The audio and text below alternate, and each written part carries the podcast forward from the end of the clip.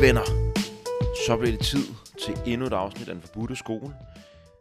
Det du skal høre lige nu, det er et afsnit med Maria Lisette Jacobsen, som er ejer eller stifter af Hyldemors Have. Og Hyldemors Have, det er et sted, hvor man, hvis man er interesseret i urter, i natur, i nordisk shamanisme, i den slags ting, i at komme i kontakt med naturen og med de ånder, der dvæler i naturen og dens genstande, som så ikke er genstande, men er levende væsener, jamen så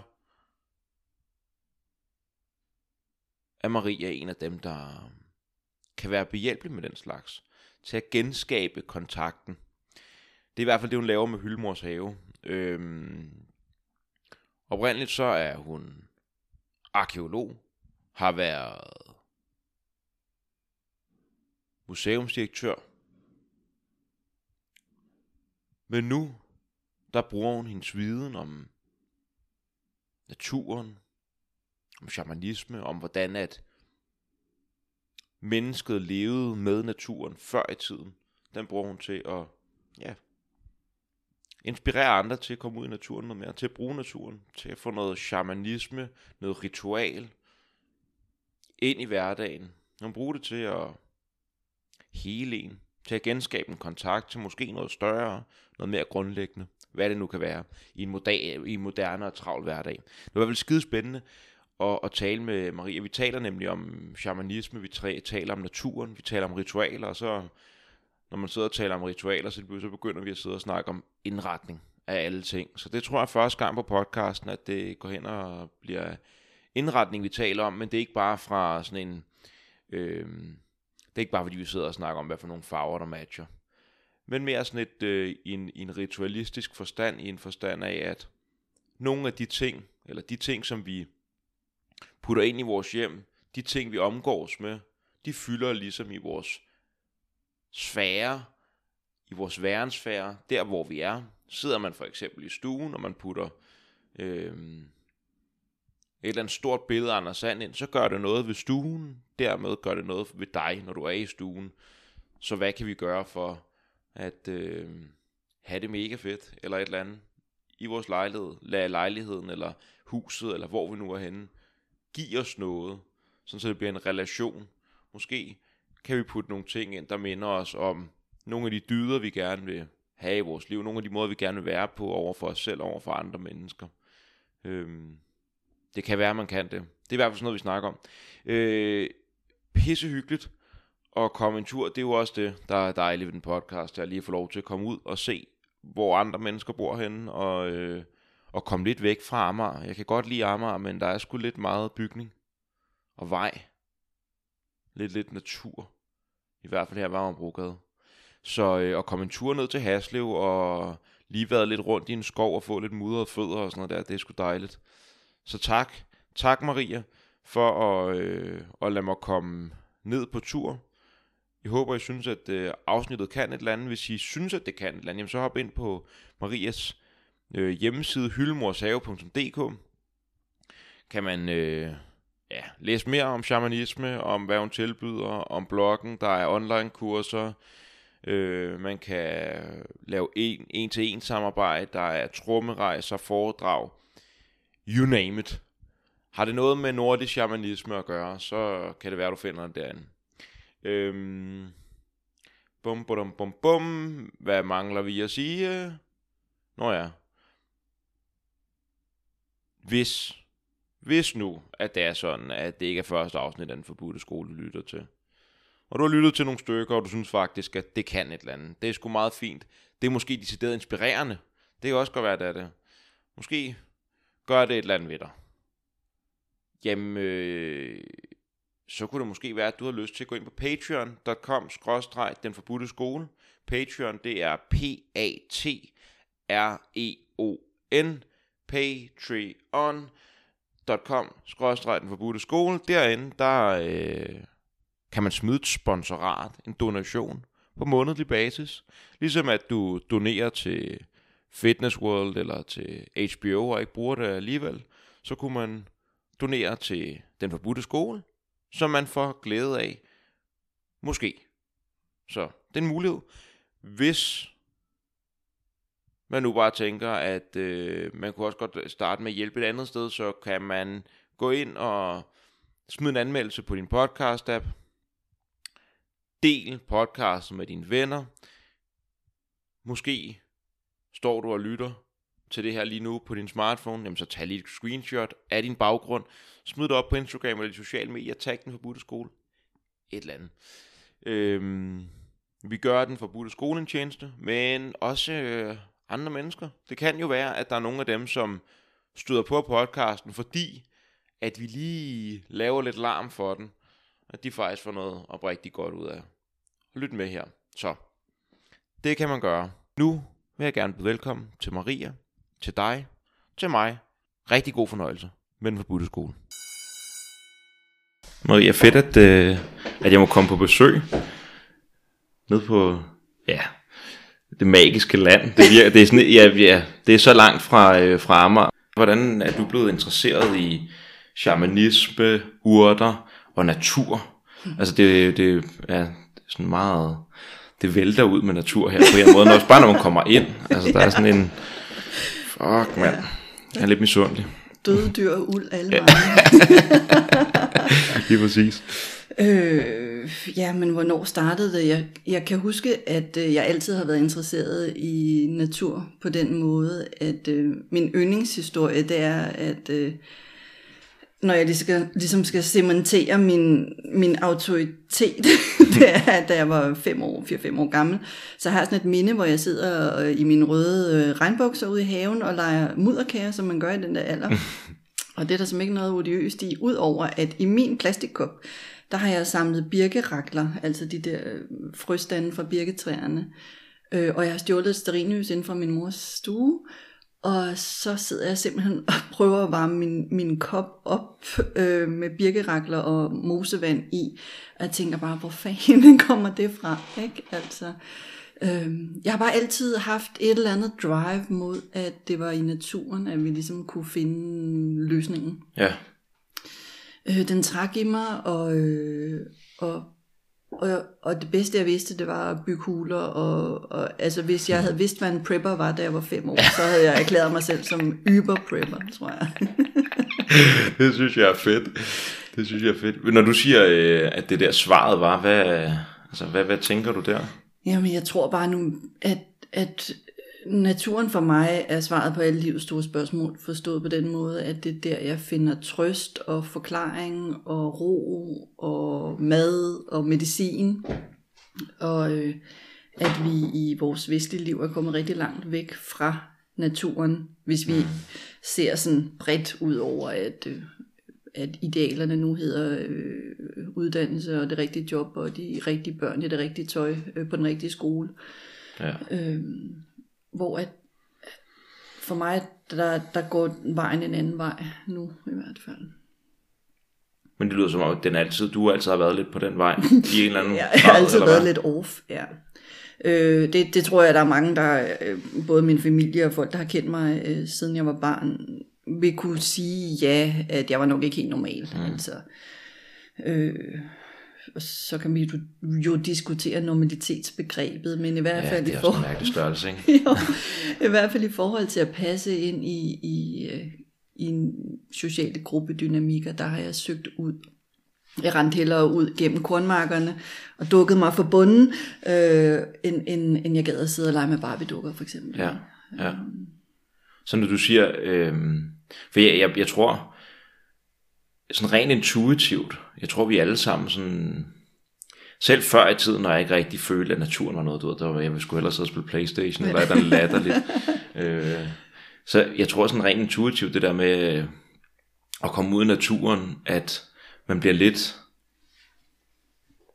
man føler det af sig selv, den der, det der nærvær, og den der øh, følelse af, problemerne af på en eller anden måde er væk. Altså, man, man ligger virkelig noget, den moderne verden kan man lægge bag sig, og det, her der taler jeg ikke om, hvis man går ud i naturen en, lige på en runde med hunden, og, og, samle, og bare, den bare lige skal skide af, eller et eller andet, men jeg tænker sådan, når man lige kommer rigtig ud, ud, og man lige når at ligge sig, det er ligesom, at man lige skal falde ned i en eller anden vibration, Ja. men, men at, at selvom man ikke har en eller anden en eller anden dyb forståelse, at man er, øh, har læst om sham, altså shamanisme og alt muligt, så bare det at være derude, det ligesom kan ja, trække en ned i sådan en lidt dybere væren.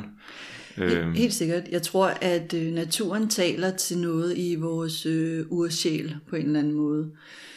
Øh, når jeg har grundkursister, øh, som, hvor det tit er deres første møde med shamanismen, så plejer jeg at forklare det som det her med, at vi kender de fleste af os alle sammen det her med at gå en tur ved vandet, eller ved Vesterhavet, eller ud i skoven, hvis man går og tumler med et eller andet. Så de fleste mennesker, de føler efter et par timers gåtur, så de der problemer, man tumler med, på en eller anden måde har de fået lavret sig i mm. noget, der giver mere mening, eller måske har man endda fundet en løsning eller et eller andet.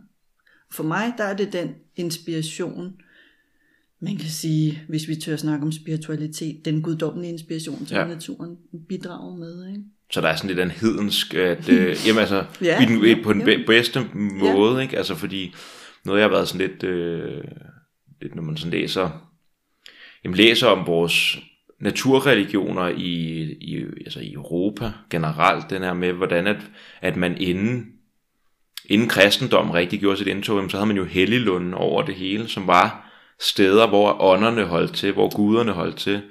Øhm, og hele den der forståelse af, at man kunne møde noget helligt, noget større øh, ude i naturen, øh, den blev på en eller anden måde reddet i stykker af kristendommen. Ikke, ikke af, jeg vil ikke sige kristendom, af, af kirken, ja. er nok bedre at sige, ikke? af den dogmatiske del. Og, øh, og så lige pludselig vender man det mod øh, støvede bøger, og øh, en eller anden mand med krave, der står og snakker på det tidspunkt på latin, og så er det der, hvor det hellige er. Og øh, alt det, der er derude, det er bare underguder. Og i en eller anden grad, i en eller anden grad, så den idé og det, øh, øh, den ting, som det i gang satte, det er stadig i gang i dag. Altså vi, vi tror mange af de ting, som vi får mening af i vores liv og sådan noget, det her, det er sgu ikke derude, vi finder det. Det må være på computeren, ja. i vores arbejde. Øh, så vi, vi sidder stadig lidt fast i de der idéer, som er så oldgamle. Øh, men hvor vi skal måske være faktisk tilbage til noget, der er endnu ældre. Ja, altså jeg tror, at, at øh, vores moderne livsførelse er jo blevet den nye religion, mm. øh, og, og der vi ligesom lægger vores tiltro, øh, hvor at, at jeg tror, man som menneske, også moderne menneske, øh, kan gøre sig selv en kæmpe tjeneste ved netop at gå ud i naturen og i de gamle helliglunde og, og, og i det hele taget sætte sig ned og lytte, mm. øh, blive stille, og lægge den fucking telefon, siger ja. jeg lige så meget til mig selv. Mm. Ikke? øhm, fordi det er i det øjeblik, at, at, at vi bliver modtagelige for også det, der, der findes i naturen, som vi måske ikke har noget ord for endnu. Mm. Hvad, nu, det er et sindssygt dumt spørgsmål, og lige har sagt, at vi ikke har ord for det, men hvad, filen, hvad er det, du mener? Og jeg tror, jeg tror men kan vi, kan vi sådan nærme os det? Altså, øh... Jo, men for eksempel, du sagde det selv, da du kom ind ad døren her, bare det, at man lander hernede i skoven, og her hvor jeg bor, er jeg omgivet af skov på alle sider, øh, og jeg oplevede det også første gang, jeg selv kommer ned.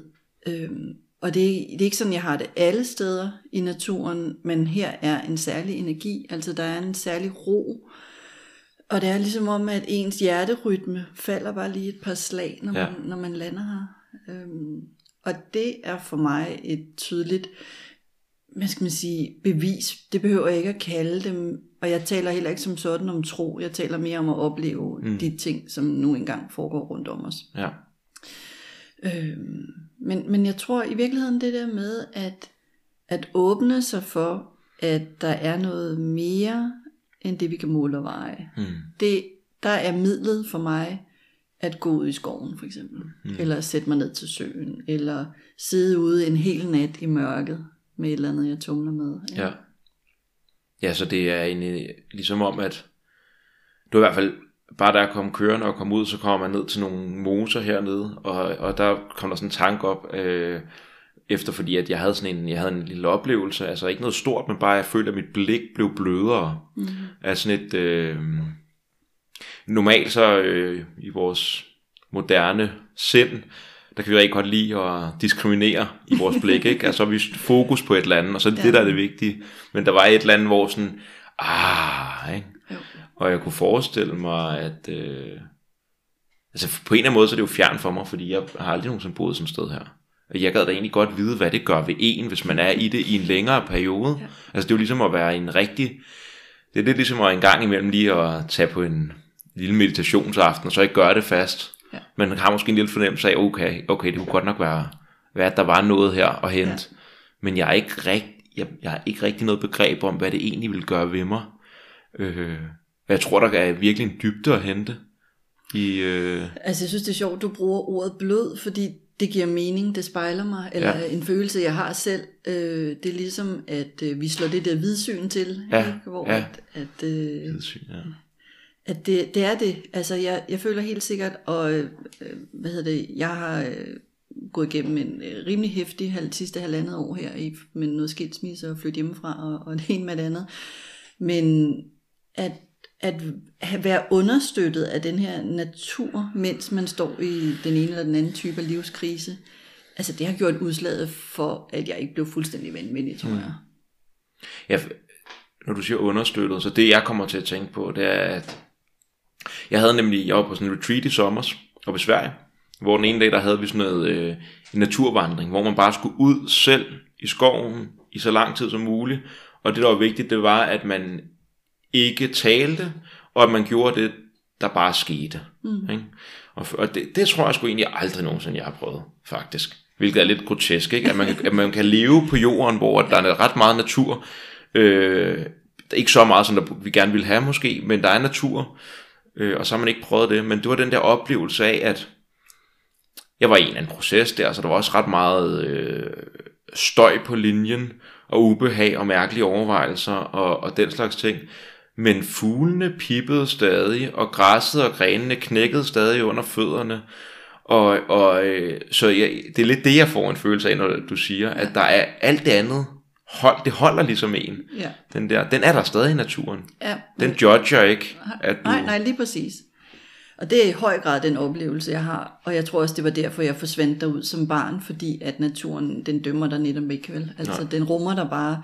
Og jeg oplever øh, i tilsvarende grad også, at den overdynger ind med kærlighed. Mm. Nu kan det godt blive sådan lidt woo hippie men, men det er lidt den... Det, den Jeg det forstår, meget- hvad du mener.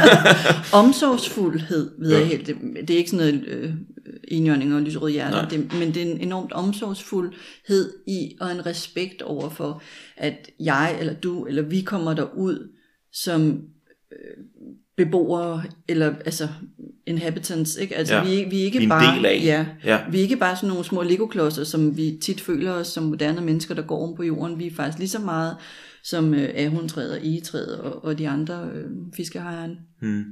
at vi overhovedet ikke kan finde ud af at agere ude i naturen, det er jo fordi, vi har aflært os det selv på en eller Ja. anden måde. Ja. Øh, men åh, der var andet, du, du lige sagde det der med, at... Øh, nå, det er det, ja, fordi jeg havde en sjov oplevelse i morges. Øh, der skete nogle ting i mit liv i går, som lige rystede mig lidt ud af kurs. Øh, og så da jeg stod op i morges og kiggede ud, og det er jo i dag en rigtig dejlig smuk solskinsdag, det har der ikke været så mange af på det seneste. Og så tænkte jeg, nå ja, men altså uanset hvad der sker, så den her kæmpe skønne sol, den står op hver eneste morgen. ja. Og så alt det der peanuts, det pst, væk med det, ikke? Ja, så det, man, man bliver ligesom, hvis man, hvis man begynder at lægge mærke til naturen, eller bare de sådan cykliske rytmer, bare det, som du selv siger med, at solen står faktisk op hver dag, hvis man bare lægger mærke til det, så i det er der er også en eller anden ro at finde i, at jamen, selvom der føles som, der er totalt meget kaos og rod i den, Ja. i mit lille liv, ja. inde i Alex, så er det sgu bare sådan en, det, på en eller anden måde er det en lille ting Ja. i det store kosmos, og det er jo også sådan en følelse af at blive holdt. Så tænker jeg lige på, for du siger det der med kærlighed der, jeg tror, jeg forstår virkelig godt, hvad du mener. Og generelt set, når vi snakker på den her podcast, så tænker jeg, der må nu være nogen, der tænker, hold kæft, hvor er det langhåret og huhu, og hvad fanden er det, de snakker om. Men, men jeg tror, det er lidt tilbage til det, som du sagde med tro. Altså for, for mig, det handler ikke om at tro, det handler om at opleve. Så når man snakker om kærlighed, så er det den der, det er en oplevet følelse af kærlighed, hjerteåbning, af kontakt med, jeg kan rigtig, det er en af grundene til, at jeg godt kan lide sufierne, det der med kontakt med den elskede, og hvad er den elskede, mm. så jamen det, det, det, det er derude. Ja. Naturen, Gud, Kald det, hvad du vil. Ja. Et eller andet, som er større, hvor man virkelig kan være sådan, stå i relation til, i stedet for bare at være benytter af, eller et eller andet i den stil. Og det synes jeg er, øh, om det er med naturen, eller hvad det er. Der er et eller andet i at prøve at få en relation til noget, der er større end en selv. Som er... Ja, der tror jeg faktisk, du slår hovedet på sømmet i forhold til moderne menneskers generelle livsførelse. Mm. At, og nu grov generaliserer jeg jo. Og, Det gør og, vi meget her i podcasten. og, og har, kan også se mine egne skygger i det, men, at- men at vi, vi, vi er, altså materialisme er Gud på et eller andet plan, ikke? ja. Det er det, og jeg, jeg siger slet ikke, at jeg ikke selv også har den nyeste iPhone og alt det der, men, men der er, det bliver bare ligesom det eneste eviggyldige, det der med, hvad er det, hvad kan vi få, hvad kan jeg selv få ud af det, hvordan kan jeg vækste personligt, så jeg kan få mere. Mm. Hvor det er bare sådan, jeg er også moderne menneske, jeg kan også godt lide at vækste, men jeg prøver at lægge det lag på os, der hedder, hvis jeg vækster, hvor meget kan jeg så give mm. tilbage? Mm. For eksempel til skoven mm. eller til naturen. Jeg drømmer om at tjene så mange penge, at jeg kan få en kæmpe stor grøn front, front, fond. Ja, Ja, ja. Jeg tror, jeg kalder den grøn front. Ja. Og, Godt navn. ja. Det kom ud af dig. så ved vi så, hvordan en guddommelig inspiration. Nej, men at kunne støtte nye projekter, Ja. ja. som, som har svært med at starte. Jeg ved udmærket, hvor svært det er at starte og komme i gang. Ja. Ja. Men det er også det, og det er jeg, jeg tænker, at det er meget vigtigt, at når man snakker om de her ting, at det er jo ikke fordi, man bare skal rive øh, sin hverdag op, og øh, alle de her klassiske, moderne strukturer, bare brænde den ned, og så bare flytte ud og være hulemand eller hulkvinde. Øh, Nej. det er jo måske... Det tror Jeg jeg, tror- at de har prøvet, ikke? Ja. Og det gik heller ikke rigtigt. Nej, altså, nej hvis det er man det. Kan se ikke tilbage til 60'erne. Nej. Ellers tak. nej, Det var sgu nej. lidt for meget kaos. Men der er et eller andet, igen, den, det er også derfor, jeg synes sådan en som øh, Buddha, bare det der med den gyldne middelvej, ikke? Altså der er et eller andet over, øh, det er ligesom, vi kørt virkelig meget i ubalance nu med det her materialisme, og sådan den der, den videnskabelige verdenssyn, ikke? Jo. At, øh, fordi i den forstand, og det er også, vi har snakket, jeg har snakket en del om blandt andet sådan vores krop, og vores kropforståelse, at øh, sammen med en, der er Anders Tingmann, som er øh, psykolog og filosof, om at i en moderne verdensforståelse, så er det en maskine, vi løber rundt med. Ikke? Altså mm. hjertet er en pumpe. Ja. Og den måde, vi lige har snakket om hjertet på med kærlighed, det er jo det her med, hvad er det egentlig? Det er jo noget ja. med kærlighed, det er noget med en subjektiv følelse, noget med noget relationelt. Øh, og på samme måde med naturen, hvis træet ba- bare er fibre og, og sådan noget biologi, Ja. så hvis man ser det som det, så ser man sgu ikke det træ, som jeg. En gang imellem, når jeg er i, i du ved, Når du lige er der. når jeg er der, som jeg ser. Og ja. det er blevet meget bedre. Altså ja, det, det der med, at jeg kan, jeg kan huske min gamle bevidsthed, hvor jeg bare kunne gå en tur i skoven og tænke, kæft, hvor er det kedeligt. ja. Altså, den kan jeg godt huske, hvor de der de første 30 minutter, når man ikke rigtig er røget ned i frekvens, hvor man bare er i det der mindset, det er kedeligt det her. Ja. Hvor fanden, hvor er farverne, hvor pangen, hvor, øh, hvor skal al action henne? Ja. Øh, hvor at nu er det blevet meget mere sådan en, jeg føler, jeg står og kigger på et væsen en gang imellem, når jeg kigger på et træ, hvor, hvad fanden er du? Og det virker som, du også ved, jeg er. Men Ja. det går bare rigtig langsomt hos dig, for du lever latterligt lang tid. Ja, og, og, og ja, lige præcis altså. Ja! Nej, men det er jo det, at i vores små hjerner, ikke, så, øh, øh, og i, i forhold til træets levetid, så er vi jo et, et åndedrag, ikke, Ja. ja. nærmest. Altså. Øhm, men, men nej, jeg tror, og, og det ændrer jo også vores måde at betragte jorden på, at hvis vi kan bevæge os væk fra at se det som ressourcer, mm. men at se det som en del af en større familie, bliver det også sådan lidt øh, in- indianer romantisk, men, men i virkeligheden så tror jeg, at det ligger som en, en grundfølelse i menneskerne, det der med, hvis vi kan tappe ind i den her, hey, busken og træet har deres egen sjæl, væsen, væren, så forstår vi også, så altså ved de også, hvorfor det er, jeg siger til de små børn, lad være med at gå og knække grenene af træerne. Mm. Altså, så brug det jo det mindste en sav. Altså. Mm, ja, ja. øhm, det er mere det der med, at, at øh, for mig er alting levende. Mm. Øh, og, og alting har en anden form for bevidsthed. Og så kan man jo gå ned i de filosofiske lag og sige, at det er mig, der tillægger kroppen bevidsthed. Ja, ja. Who the fuck cares? Altså, ja. for, for mig er det vigtigt, at når jeg går ud og hilser solen, og jeg skaber en relation til solen, og jeg føler, at jeg får noget tilbage, kommer, kommer den kommunikation så fra solen, eller øh, i noget kemisk inde i min hjerne? Det er bedøvende ligegyldigt for mig, fordi for mig så ville den kemi, eller hvad det nu er, der foregår, ikke opstå uden den påvirkning, nej, som solen nej. giver mig.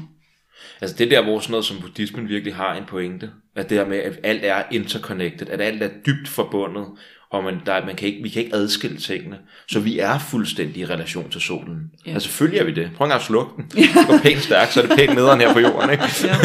Jo, jo, og, jo, og, eller det, det, vi har gang i lige nu, der tror jeg virkelig, at der er noget at lære øh, for sådan de mere sådan, altså alle gamle traditioner, naturreligioner, shamanisme, måden at være til i verden på som menneske. Ikke som noget, der er hævet over og bruger af naturen, men noget, der er en del af, del af naturen i stedet for. Altså, der er mange af de problemer, vi står overfor lige nu, som øh, ikke rigtig vil eksistere, hvis vi, hvis vi følte, at vi var en del af et større hele, at vi var en celle i en eller anden øh, Gaia-krop, hvis man skal køre ja. den woo men ja. altså, ja. der er et eller andet om det, ikke? hvor at, øh, når man sådan, jeg, så, jeg så lige, øh, her den anden dag på Facebook, der kom der sådan en, en video op omkring, hvor meget brændende nu er bredt sådan ned i Sydamerika. Der er ingen, der snakker om det i nyhederne. Mm. Det synes jeg er lidt vildt, ikke? At, øh, men det er også vores øh, nyhedsstream, der det går så stærkt, eller nyhedsstrøm, og vi øh, snakker corona jo, ja. fordi det går ud over os. Og, og, ja, og det her med, jeg tror også, der er et eller andet så abstrakt i vores store verden, og klimaforandringer, der tager ret mange år, og øh, igen, lidt ligesom i vores kommunikation, vores relation til træet, som har sådan en lang levetid, så er vi begrænset i vores, ja, i, i, i den verden, vi har som mennesker. Og på den måde er vi også begrænset i at forstå problemet af global opvarmning, og forstå problemet af, jamen hvis vi bare laver monokultur over det hele, øh, så kan det godt være, at vi kan gro sindssygt mange gulerødder, eller sojabønder, eller et eller andet, men øh, hvad er det egentlig, vi mister? Lige nu og her kan det måske være svært lige at fatte. Fordi det er jo dernede, de falder, fælder. Ja. Men øh, det gør, at der er noget, øh, noget biodiversitet og nogle, altså nogle brænde, der bare kan sprede sig helt latterligt hurtigt ned i Amazonas. Hvor sådan, det, er, det er fandme skræmmende, at vi har vores en indstilling og en verden i verden, der tillader det. Ja. Der gør det faktisk ganske naturligt, og det er det, der opstår. Ja, jeg tror, det er det der med det personlige ansvar også for, at det jeg gør, og det har måske, det, det ved jeg ikke, om jeg kan sige, det er noget af det, jeg tager med mig fra shamanismen også, men at det, jeg sender ud i verden, og den måde, jeg behandler jorden på, har en betydning. Altså, der er en eller anden kædereaktion, som sætter i gang, når det er, mm. at, at jeg ikke tager et øh, bæredygtigt valg. Og det gør jeg ikke altid, mm. men, men jeg prøver at være bevidst, så det ikke bare bliver øh, blindhandling, ikke? Øh, det, og jeg køber også en cola, og jeg spiser også vingummibamser og sådan noget. Jeg er på ingen måde heldig, øh, og jeg ved godt, at, at mit CO2-aftryk, det fucker op, hvis jeg tager en flyvemaskine, ikke? Mm. Øhm, men, men der, hvor jeg kan, og der, hvor jeg i min komfortabilitet kan tage et grønt valg, der mm. prøver mm. jeg at gøre det, fordi jeg ved, at det betyder noget for resten af verden. Og jeg vil bare sige, man gør det jo så godt man kan. Ja. Og man skal jo ja. ikke, man skal jo ikke slå sig selv oven i hovedet, fordi øh, fuck man, nu har jeg købt noget, der er pakket ind i plastik. Ja. Det er svært at lade være. Altså jeg vil også sige, at jeg er overhovedet ikke en helgen. Mm. Men jeg tror for mig, der er, der er en eller anden grad af øh, magtesløshed, hvis man bare venter på... Nej, det, det, det bliver svært at sige. Nå, hvis man bare venter på, at systemet nok skal regulere det og mm. klare det. Og det er heller ikke, og det, med det sagt betyder det ikke, at man bare selv skal leve, gøre alt for at leve 100% grønt, men jeg tænker, det er mere sådan en, øh, det jeg taler om er ikke så meget om det rigtige økologiske eller grønne valg i vores forbrugervaner, eller et eller andet den stil. Det er mere en måde at være til på. Ja. Det der med, det handler egentlig bare for mig om, jo mere tid man kan, jeg, jeg, jeg har snakket sådan lidt om, og tænkt lidt over det med, hvad er et godt liv egentlig? Hvad handler livet om? Og for mig på en eller anden måde, så er det, jo flere nærværende øjeblikke, man kan have, lige meget hvad det er med. Ja. Altså om det er, at du er ked af det. Jo flere nærværende øjeblik du kan have, jo mere mening må der egentlig på en eller anden måde være, fordi så er det direkte relation til livet. Øh, og det er mere det, jeg taler om faktisk, når jeg tænker på det her med, at den ene, den moderne forståelse er meget, vi adskilte. Ja. Og i adskillelse ligger der øh, sådan i ordet, at så er man ikke nærværende. Ja. Altså så er man adskilt. Mm, ja. Øh, og jeg tænker, at der må være et eller andet i at komme tilbage til det her nærvær, om det er ens åndedræt, ens krop, eller ja. naturen. Øh. Jamen helt sikkert, fordi det er det, er det, jeg oplever et nærvær, når jeg er i naturen. Øh, og jeg oplever, at naturen også er nærværende over for mig. Det er interessant, ikke? ja, ja. Øh, selvfølgelig kan jeg også øh, have en fucket dag og gå en tur, og, og du ved, og jeg ser ingenting og hører ingenting, fordi jeg er så meget i mit eget ja.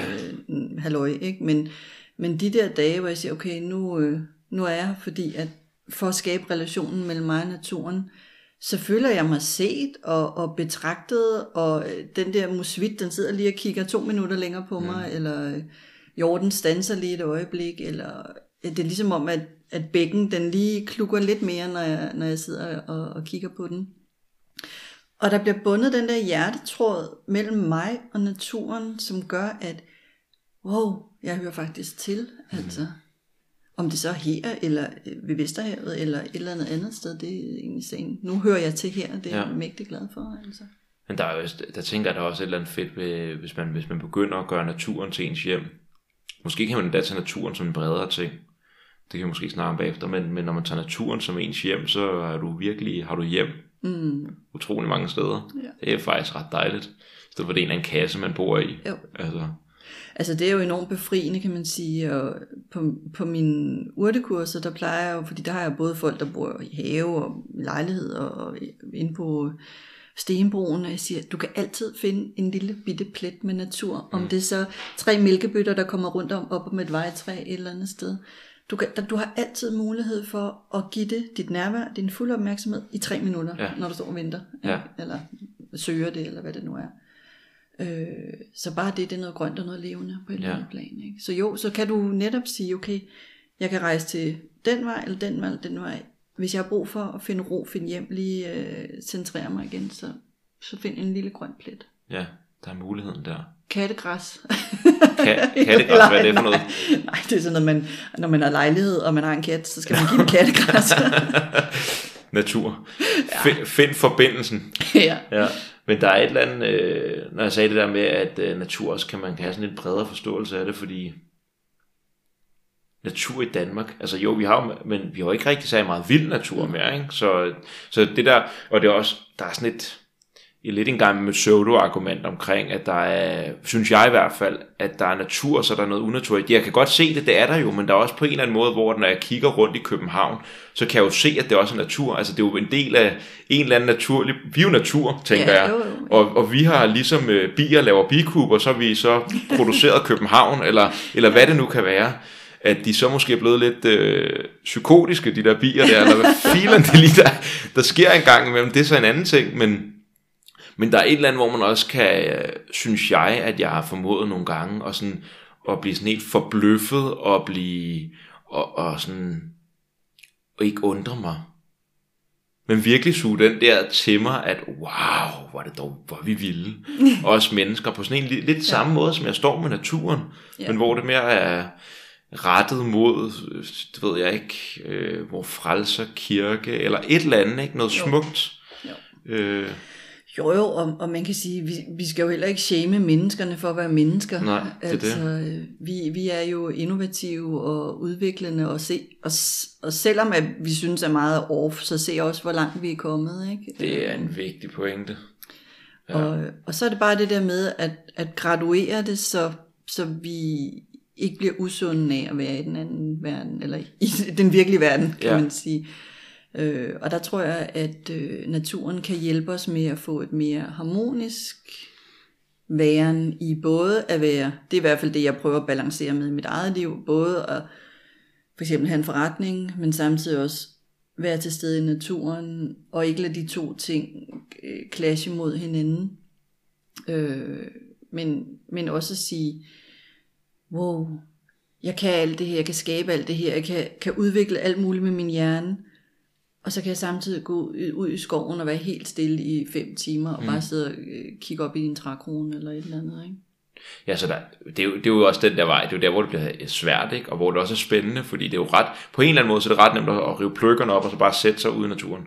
Så er det bare det eneste, du gør. Nu er jeg bare et hulmenneske. Ja. Og det er rigtig nemt bare at køre 100%. Nu skal der bare karriere på. Ikke rigtig nemt som ja, det er nemt nemt. Nej, men altså, men ja, men det, er, sådan, det er et valg, bare, man kan tage. Ja, det er bare lige ud. Det er ikke en afbalancering så meget. Hvor det der, der er interessant i, det er jo netop sådan en, øh, at gå på line. Sådan en dans, hvor man helt tiden skal finde ud af, hvad er det næste Ja. bedste skridt, jeg kan tage. Øh, hvad har jeg egentlig brug for? Og kunne måske kunne, kunne lytte til sig selv, og til hvad der naturligt kommer som det næste skridt. Ja. I stedet for at man tager skridtet, så bliver skridtet også på en eller anden måde, når man har det sådan der, føler jeg i hvert fald. Det bliver lige så meget taget for en, at der, er- der er ligger en invitation til, okay, kan det godt være, at jeg ikke skal lige skal sidde med computeren og lave det her stykke arbejde, eller det her stykke studie nu. Der er et eller andet, der siger mig, du skal ud i det kolde vand lige nu. Sådan har jeg det for eksempel. Ja. Og så, jeg kan tydeligt mærke, det er så ofte, hvor jeg ikke får lyttet til den, og så sidder jeg i tre timer og er lidt mærkeligt. Jeg får lavet noget, jeg har sådan en følelse af konflikt, og Mm. ændre en eller anden... Øh, øh, Der er ikke? noget uro. Der er noget uro. Ja. Og det er bare, hvis jeg nu har lyttet til den der naturlige fremkomst af, du skal gå den tur, der, du skal bade, sæt dig ned og meditere, et eller andet, jamen så havde det været, så havde jeg kunne gå hjem bagefter og sat mig ved computeren, og så havde det været en helt anden dans, fordi at jeg havde Ja, fuldt ja. takten, eller ja. Men der tror jeg stadig, at vi er meget mærket af det der. Vi har lært, at vi skal være effektive, og vi skal gå på arbejde fra 8 til 4, og vi skal Ja. være multi-effektive, mens vi er i det der workspace. Øh, hvor at hvis man har mulighed, øh, og det er selvfølgelig en privilegeret mulighed, ja. men at kunne sige, okay, nu kan jeg mærke, at det eneste, du drømmer om i din krop, det er at gå ud og komme ned i noget koldt vand. Fedt mand, så gør det, fordi som du selv siger, så får du netop den der, så bliver du fyldt op, og du bliver hvad skal man sige, centreret, og, og du får den energi og den kreative hjernekapacitet måske til at lave noget endnu bedre arbejde. Ja. I stedet for bare at slave den igennem, ligesom vi er vant til som lønmodtager. Åh mand, hvornår? Jeg kan huske, efter jeg har været blevet selvstændig, så har jeg aldrig mere de der dage, hvor jeg tænker om dagen, den skal bare overstås. Nej. det var også min drøm, det der. Det var min drøm. det lyder godt. Ja. Altså, og jeg kan huske, at jeg havde ikke været selvstændig så længe, og så hører jeg, jeg hører ellers aldrig radio, men så tændte øh, jeg tændte bilen, og så slår den ind på en af de der frygtelige radiostationer, hvor der er en, der sidder og kloger sig. Ja, ligesom os. Men det var på et lidt mere øh, lavere niveau, men, Ja. øh, hvis vi selv skal sige. Nej, ja, men, ja, ja, fint. men hvor han, hvor han så ligesom siger, ja, nu får du lige det her gode stykke musik, så du bedre kan få overstået dagen, ja, eller sådan et ja. eller andet. Og jeg kan bare genkende den der følelse af, da jeg var på det normale arbejdsmarked. Fuck ja, mand, der var mange arbejdsdage, hvor man bare tænkte, "Ah, nu er der tre timer til klokken den er fire. Mm. Øhm, og, og det er, har været symptomatisk for mig også i forhold til at, at lytte til det der kald, som du, altså, som du skriver, kan være en hien efter det kolde vand, eller naturen eller noget for mig, blev kaldet bare sådan en, altså, det ekspanderede nærmest inden i mig, at jeg var nødt til at vælge noget andet, hmm. for ikke at, at, at tabe ævret fuldstændig. Ja.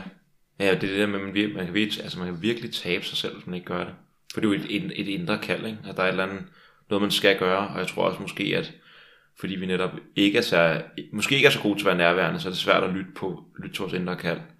Øh, Ja, og så er vi ikke skolet i det, og vi, vi, vi er skolet i at følge nogle regler, som Ja, er blevet sat op ja, for ja, os, siden vi er små. Jo. så kan godt være, der er noget, der kalder i brystet på dig, men ah, ah, ah, ah. Du skal sidde med din computer tre timer endnu, Ja. ja. inden du kan få lov. Og jeg, jeg er sådan lidt, fordi jeg, jeg tror også, jeg er privilegeret på den måde, at jeg, øh, jeg er studerende, jeg laver en podcast, så jeg har et arbejde, som jeg virkelig holder af, som er meget fleksibelt, og så kender jeg, jeg har heller ikke dage, som jeg tænker, nu skal den overstås. Og jeg, har- jeg, en, en rigtig god ting har jeg lagt mærke til det seneste halvandet år. Øh, Jeg har ikke styr på dagene. Mm. Jeg ved ikke, om det er weekend Det er eller hverdag. tegn, ja, jeg. det tænker jeg nemlig Ja. også. Det er et godt tegn. Øh, og jeg er fuldstændig med på, at det er lidt utopisk for de fleste mennesker at leve sådan et liv. Men jeg er stadig sådan lidt, men jeg tror godt, man kan begynde at bevæge sig lidt derhen af. Små skridt. Sådan så, okay, du har ikke lidt kontrol over, hvad du skal gøre på din arbejdsplads. Altså på din arbejdsplads, så skal du arbejde, men når man kommer hjem, kunne man måske godt prøve at følge den der mavefornemmelse. I stedet for at sidde og sætte Netflix-film på. Så lige tage den der dukker der. Ja. Se, hvad den siger. Eller sådan, man ja, kan... men helt sikkert. Ja, og jeg tror, øh, jeg, øh, jeg ved godt, at, at, at øh, det ser meget glansbilledagtigt ud på de sociale medier, og mit liv er jo også virkelig fantastisk. Det er ikke for at underkende det på nogen måder, men der var en, der skrev til mig den ene dag på et, en post, jeg havde lavet, at du lever det liv, vi alle sammen drømmer om. hvor jeg så bare skrev tilbage til ham, prøv at høre, jeg startede også med en drøm. Mm. Jeg startede også med at stå i en situation, jeg ikke kunne se vejen ud af, eller, eller ikke, jeg, kunne, jeg, jeg havde aldrig forestillet mig, at jeg skulle sidde her i dag for 10 år siden. Altså. Nej. Øhm, så det der med, at man kan være privilegeret, eller man kan være født med en sølvske i munden, det er, jeg har nærmest haft noget i røven, tror jeg. Ja. Altså nej, øh, jeg har ikke, altså jeg har fandme også måttet kæmpe, bare på nogle andre, jeg har altid haft tag over hovedet med Ja, ja, mad og ja, alt det her. Øhm, men, men uanset en situation, hvis man vil, så er der en vej. Og jeg siger ikke, at det er en nem vej, eller at, at, øh, at du skal bare tænke positive tanker, så mm, mm, mm, nej. overhovedet ikke. Nej. Men altså, har du et mål og et drøm og et ønske om at ændre dit liv mod mere natur, mod et, et arbejde, man ikke har lyst til at holde fri fra, eller øh, at bo det sted, der nærer ens krop, så er det, der er ikke noget, der ikke kan lade sig gøre. Hvis ikke, altså, så kan det godt være, at du ikke kan få hele parken og, og få bo på slottet, men så kan du måske få en kolonihave. Mm, altså. Ja, der er et eller andet med bare det der med at begynde at tage skridtene derhen af. Og for hvert skridt, man lægger... Så på hvert skridt, man går mod det der ideal, det ønske, man har, den drøm, man har, så øh, efter man, efterlader man sit liv en smule bedre. Helt sikkert. Altså, så det er jo bare det der med, jeg, jeg, sådan en helt lille ting, som, øh, det gør jeg på mit arbejde, når det så endelig er sådan, hvor jeg tænker, hold kæft, det er kedeligt, ikke? Så er jeg bare sådan, jamen så, nu har jeg min, har min meditation, så mediterer jeg. Ja. Så nu har jeg mediteret meget, ikke? så kan, man kan meditere også med, med åbne øjne, og når man selv, når man, når man står og laver mad, eller hvad filen man nu gør. Men, øh, men lige pludselig så vender du det, som der faktisk var en sur pligt til et lille frirum. Og det der med at finde ud af, hvordan kan jeg gøre det? Kan jeg, kan jeg, kan jeg stå ud af vinduet på min arbejde? Kan jeg sidde lige og bare lige fem minutter for mig selv, lige så kigge på det der træ der, ud igennem vinduet? Det er, en, det er et lille, det lyder måske ligegyldigt, men det er et lille skridt i den rigtige retning, tænker jeg. Jeg tror, det bevæger energien i den rigtige vej i hvert Ja. fald, og i det hele taget fokusere dit væsen på, at, at jeg vil noget andet, eller vil noget bedre. Jeg vil ikke være i, i den her energi af øv, mm. eller, eller øh, utilfredsstillelse. Øh, jeg kan huske, jeg, kør, jeg kørte rigtig mange kilometer, øh, fordi jeg arbejdede i København. Øh, og når jeg så holdt for rødt, så sad jeg altid og kiggede ud i rabatten, og så identificerede jeg planter. Nå, okay, der var en rødkløver, der var en rødlægge, der var en... Du ved, så var det lige sådan en... Det kunne godt være, at det var altså, i Albertslund, eller of all places, men der var altid lige et lille stykke med grønt, så Ja. jeg lige kunne... Så, så tjekkede jeg lige ud af det der, der var irriterende, så kunne jeg lige mm, være lidt med Ja. den vej, jeg gerne ville gå. Ikke? Og det, og det, det man, jeg tænker, det man kan, hvis man har sådan nogle, de der, det er næsten, det er lige før det, er det der er det vigtigste. Det er de der, hvis man finder en eller anden, en kedelig udtryk for med sådan en redskab, som man kan have med sig overalt. Mm. Øh, det er næsten, næsten det vigtigste, tænker jeg. Fordi så gør det måske også, hvis man nu har for eksempel meditationspraksis, man kan tage med sig, eller at man øh, begynder at connecte til naturen, der hvor man er, og i den, den eller så meget natur, som der nu er omkring en, så øh, kan det godt være, at man lige har fem minutter, hvor man kan lige nyde træet af vinduet på arbejdspladsen, og så tror jeg bare, at arbejdet er lidt federe bagefter. Efter. Ja. Det er i hvert fald mit indtryk, at i stedet for, at man bare sidder, at det starter med konflikt, for at du skal arbejde, inden du skal arbejde, og så er du konflikt hele vejen. Enten så er du i konflikt med det, eller så glæder du dig bare til at fri, hvilket også er konflikt. Så det er bare konflikt hele vejen igennem dagen. Og øh, sådan et lille nærværende øjeblik med et træ, eller med kig på dine kolleger og tjek, hvor fucking nice det er, der er et menneske foran dig. Du kan faktisk næsten røre den. ja, der er sådan et eller andet, hvor jeg har også bare sådan øh, mærket, du har, hvordan føles det at have tær, det siger jeg engang med folk. Det er, sådan, det er, det er, fandme, det, er, jo- det føles fedt, altså det føles sgu godt, det føles godt.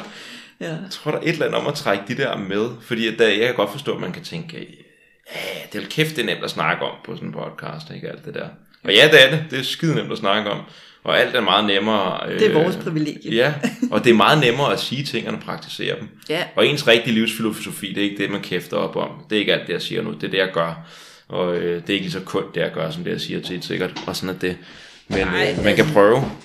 I virkeligheden, så, så tænkte jeg, da jeg stod i, i morges og hilste solen, så tænkte jeg, åh, det ville være her godt insta-moment, indtil jeg kiggede ned af mig selv, og, og øh, havde morgenkåb og morgenhår og, og lyserøde strømper og gummistøvler på og tænkte, ja, det ville jo i hvert fald være det ægte mm. at vise. Ja. Øh, fordi at min, ople- min oplevede følelse var jo total øh, øh, connection med solen, ikke? Ja, og, ja. og det var enormt dejligt. Og, men, men det folk ville se udefra, så ville de ringe efter den blå vogn, hvis der stod der nogen på skovstien, ikke? Altså. Det gad jeg fandme godt se, det jeg nok indrømme.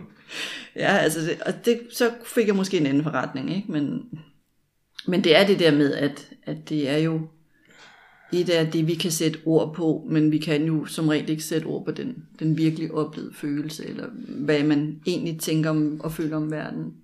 Nej, det er der, hvor jeg tænker, øh, at sådan noget som, altså, den her mere mystikertilgangen til religion eller spirituel praksis, det der med, at det ikke så meget handler om at tro på alt muligt, men at opleve, som du også selv sagde. Og jeg tænker også, at det er det, som shamanisme virkelig taler ind i, at der er et eller andet, øh, og det tænker jeg faktisk måske, vi lige skulle snakke om, fordi min relation til shamanisme, sådan i eget oplevet forstand, det er igennem ayahuasca, og jeg ved ikke, om jeg vil kalde det for shamanisme, det er facilitator, det kommer fra en shamanistisk baggrund i Amazonas, men jeg ved ikke, hvor meget shamanisme, men der er i hvert fald der, hvor jeg smagte lidt på kulturen og hvad det er og sådan noget.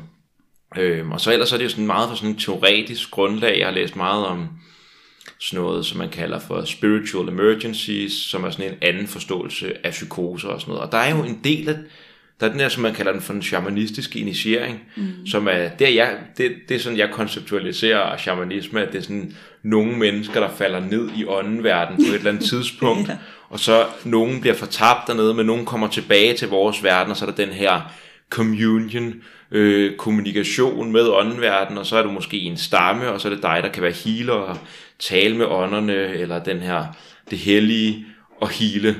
Øh, men værdien. Fordi at det lyder som, at det også meget mere er noget, som et, et, et, et moderne menneske også godt kan træde ind i for dig. Altså man kan sige, at der er to ting i det. Der er hele øh, den historiske øh, kultur, tradition, altså forskellige øh, shamanistiske kulturer rundt omkring i verden, og hvordan shamanisme har været praktiseret. Og man kan over, over det hele sige, at shamanisme er et latterligt begreb, som siger ingenting om det, der egentlig foregår, men det er bare den eneste, det er det eneste klistermærke, vi kan sætte på i dag. Der er også mange, der taler om animisme i dag, at det her, altså at, at, at verden er fuld af, af væsener, det er bare kun nogle af dem, der er menneskevæsener, ikke? Mm. Øhm, men, men hvis man ser på de traditionelle shamaner og hellige folk og medicinmænd og kvinder rundt omkring i verden tilbage i historien, så har de jo fungeret som et bindeled mellem åndeverdenen, eller den, de, de usynlige riger, og så menneskeverdenen. Men med de usynlige riger, så er det så også naturen og naturånderne. Så de har både fungeret som maler mellem naturen og menneskeverdenen, og det kan man sige, det har vi måske som moderne mennesker rigtig meget brug for i øjeblikket, hvor ja. vi ikke behandler vores natur så pænt. Øhm, og, øh, og så har de selvfølgelig været healer og vejledere og, og øh, det, her, øh, det her medie, der har vandret øh, på, på regnbuebroen, så at sige, mellem at hente healing og kraft og viden og bringe den ned i menneskenes verden mm. øh, for helbredelse eller og for at, at uh, hele et samfund eller at, at fungere som, som talerør for ånderne, fordi ser man tilbage, så har der måske nok været en grundforståelse af, at naturen er vores familie, men det har nok været helligholdt øh, i en temmelig hierarkisk opbygning i forhold til det af, af medicinmanden, der kan tale med, mm. med ånderne. Vi andre kan komme og adspørge os hos ham, hvor at det vi praktiserer i dag, er jo som alt andet spiritualitet, som er i, dag i vores samfund, tilpasset vores vestlige måde at, at være i verden på. Ja. Øh, og praktiserer du buddhisme øh, som vesterlænding i Danmark, så er det jo heller ikke på samme måde, som hvis du var munk i Tibet. Nej. Vi er jo, vi, det er jo blevet tilpasset som alt andet. Mm. Øh, og, og det er der nogle øh, øh, antropologer, der har gjort et stort stykke arbejde for at ligesom samle viden omkring shamanistiske traditioner og give dem en form, som kan anvendes af mennesker i dag i vores mm. samfund. Og på den måde, så har det jo flyttet sig for at være noget for de få, men som, jeg, jeg, jeg skulle til at sige, jeg ved ikke, hvor meget den historiske shaman, han har arbejdet på sin egen personlige udvikling. Nej, nej. altså det er nok ligesom kommet igennem, som du også selv siger, initiationen, eller initieringen af, ja. af den her shamansyge, som man jo ofte har hørt om, at, at det, øh, lærlingen er vanvittig og, og vil ikke acceptere, at der er noget, der trækker, og det er først i det øjeblik, at han accepterer at åndernes kald, at så bliver han normal, eller ja, begynder ja. at gå i lære.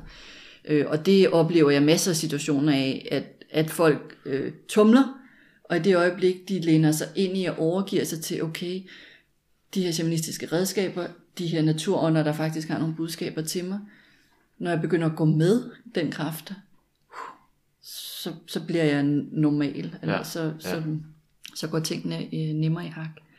Øhm, men for lige at vende tilbage til det med, om den historiske shaman har, praktiseret personlig udvikling, det tror jeg ikke som et mål, som vi Vesterlændinge gør det i dag, for at udvikle os og blive bedre mennesker og mere fagnen og bla bla bla.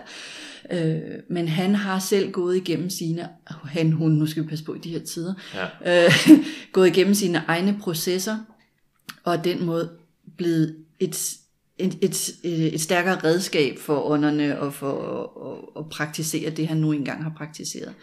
I dag, de fleste af dem, jeg møder på kurser min, i mit netværk, de praktiserer øh, for selv at opleve en større forbindelse eller connection til naturen. En større jordbundethed, en mere jordforbindelse. Øh, så er der nogen, som både har evnerne og også har ønsket om at hjælpe andre. Mm. Og de vælger så at blive, altså ligesom en, at blive terapeut, shamanistiske terapeuter, kan man sige, ja. og har, har klienter.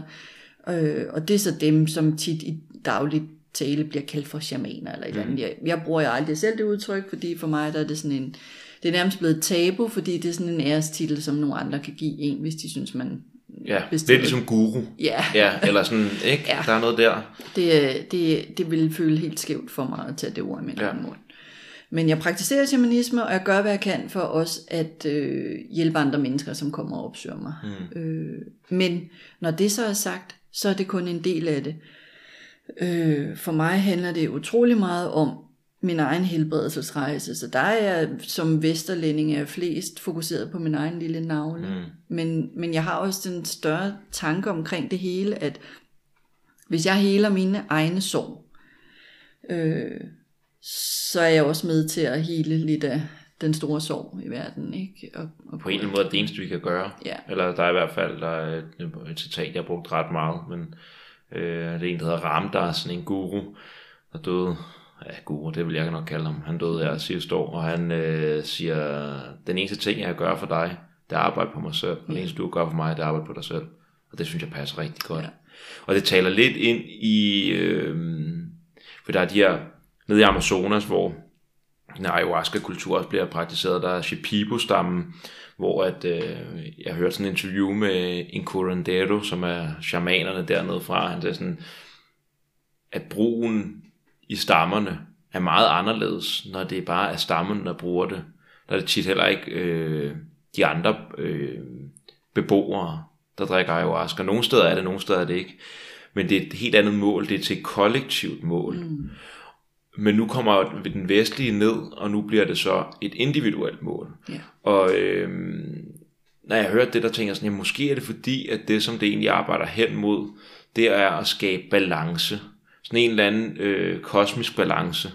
Og hvor er det så, at der er ubalance? Jamen det er det, vi arbejder med. Så øh, for os, der er ubalancen, den ligger bare meget i os selv. Øh, og så kan man sige, at det er jo øh, samfundet, der giver ubalancen. Ja, ja, men måske er der faktisk en balance at opnå, også selvom at systemet er lidt fucked up til tider. Ja. Altså. Jamen det tror jeg, du har rigtig meget ret i, og jeg tror også, at det, det det giver os lidt slag, ikke? I forhold til at dunke os selv oven i hovedet med, at, at ej, nu, nu selvudvikler jeg, hvor jeg er et dårligt menneske, ikke? For ja. det gør jeg bare for min egen vindings skyld. Ja. Øhm, men det, jeg tror, du har ret, og, og vi må jo arbejde inden for de rammer, der er også skivet. Og vores rammer nu og her, det er, at vi har et, et, et moderne samfund, som kører skævt i forhold til at producere hele mennesker. Mm. Så hvis vi kan være lidt stærkere hver især til at tage nogle lidt sundere valg, så kan vi måske også være med til at påvirke systemet. Jeg siger ikke, at vi kan ændre verdensordenen, men vi kan i hvert fald måske påvirke det i en lidt mere positiv retning. Ja. Ved selv at have gjort vores eget arbejde først, det er klart. Og det der, det synes jeg er den sådan, og det optimistiske budskab, hvor jeg synes, jeg havde sådan en, øh, der hvor jeg begyndte sådan at interessere mig for min egen udvikling og sådan noget der, det var, øh, efter jeg lige pludselig havde sådan en depre- eller depression. Jeg var pisse trist, og jeg var ikke ja. vant til at være trist, og tænkte, hvad filen? Og så er der ligesom to muligheder. Den ene det er, at det er verden, den er gal med, og hvis det er verden, den er gal med, så bliver det sgu svært at gøre noget ved det så er det over bakke. Men hvis det er mig selv, hvis jeg selv kan gøre noget, jamen, øj, det er sgu egentlig faktisk ret optimistisk. Jeg er problemet, og samtidig så er der også en accept i, at jeg ikke, altså, det, det, udviklingen og lysten til udvikling skal ikke komme et sted fra, hvor det er sådan, jeg dunker mig oven i hovedet, fordi den jeg er nu er ikke god nok. Mm. Fordi så er det sådan en aggression mod sig selv, og det er ikke særlig selvkærligt. Mm. Og så hvad får man så ud af det? Men hvis det er sådan et, hvis man kan få det der oprigtige ønske i sig selv om, at jeg også har lyst til, eller jeg også øh, fortjener at øh, opnå min drømme, eller i hvert fald at stile mod dem, at jeg også fortjener at øh, blive mere nærværende og finde dyb mod i mig selv og kærlighed og sådan nogle dyder der.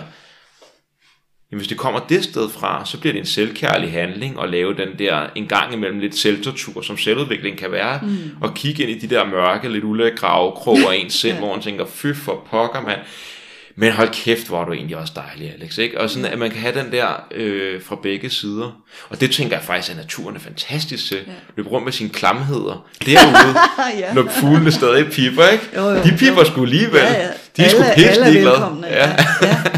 Ja, ja. Jamen altså, i virkeligheden, så er vi tilbage til den der med den ikke-dømmende natur. Ikke? Ja. Altså, vi, vi kan være de rådneste væsener og have behandlet andre mennesker så sølle i forhold til vores egne værdier, men, men jeg siger ikke, vi får tilgivelse, når vi går derud, men vi bliver stadig rummet.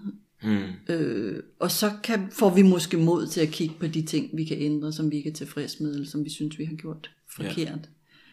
Ja. Øhm, så jo, det tror jeg helt sikkert, men, men, men det, det, øh, ja, nu gik der en engel gennem stuen.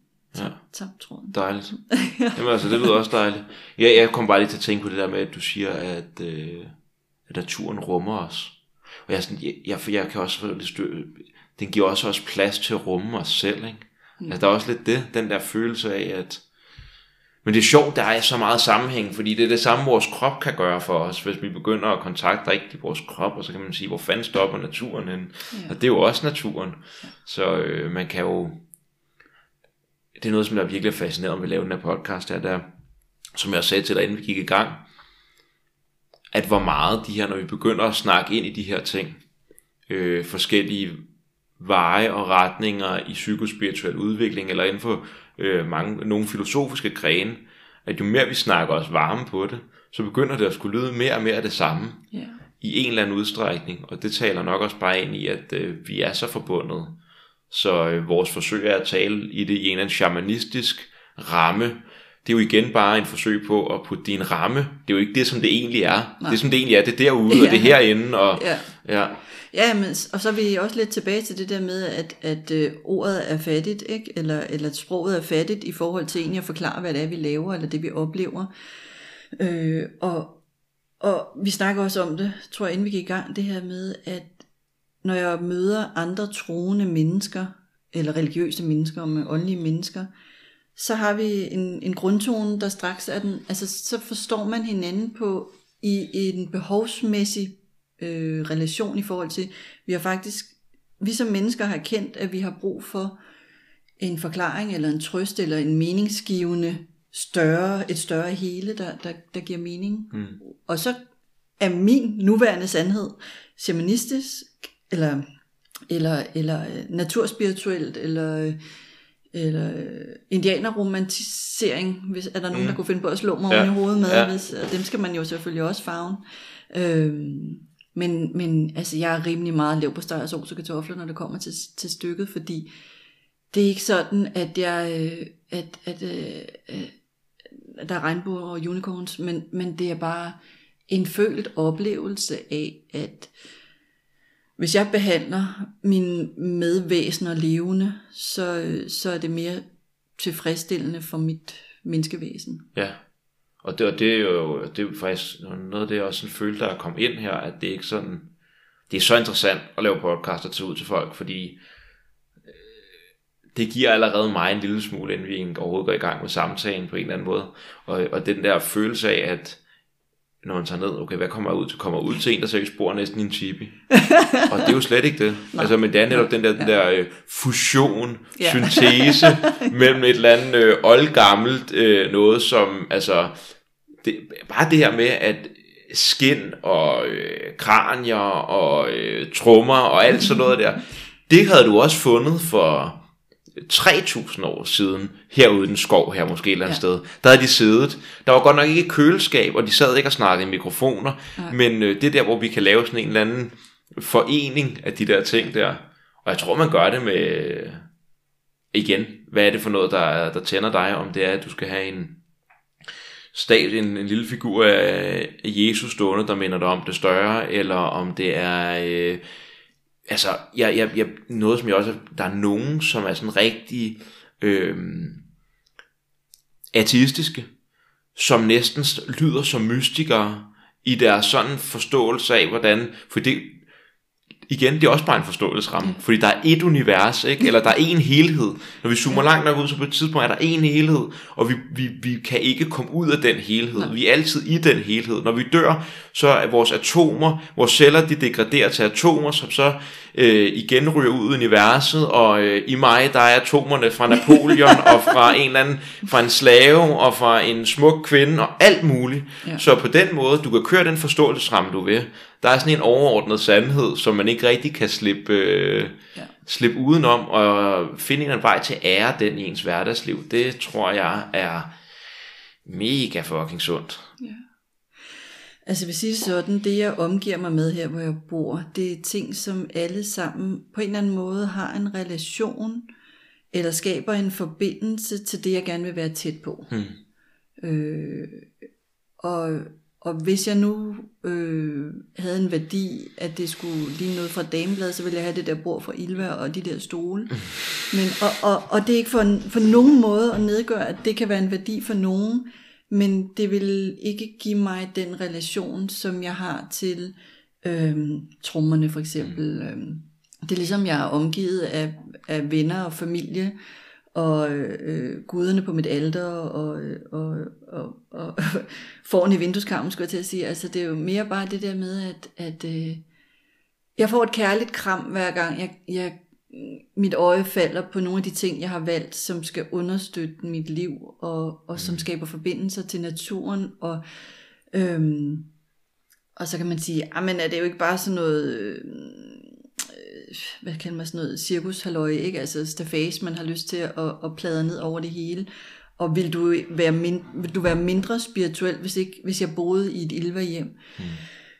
Jeg tror, jeg vil skulle mere op ad bakke for at have den samme følelse af ro i min hverdag, eller forbundethed.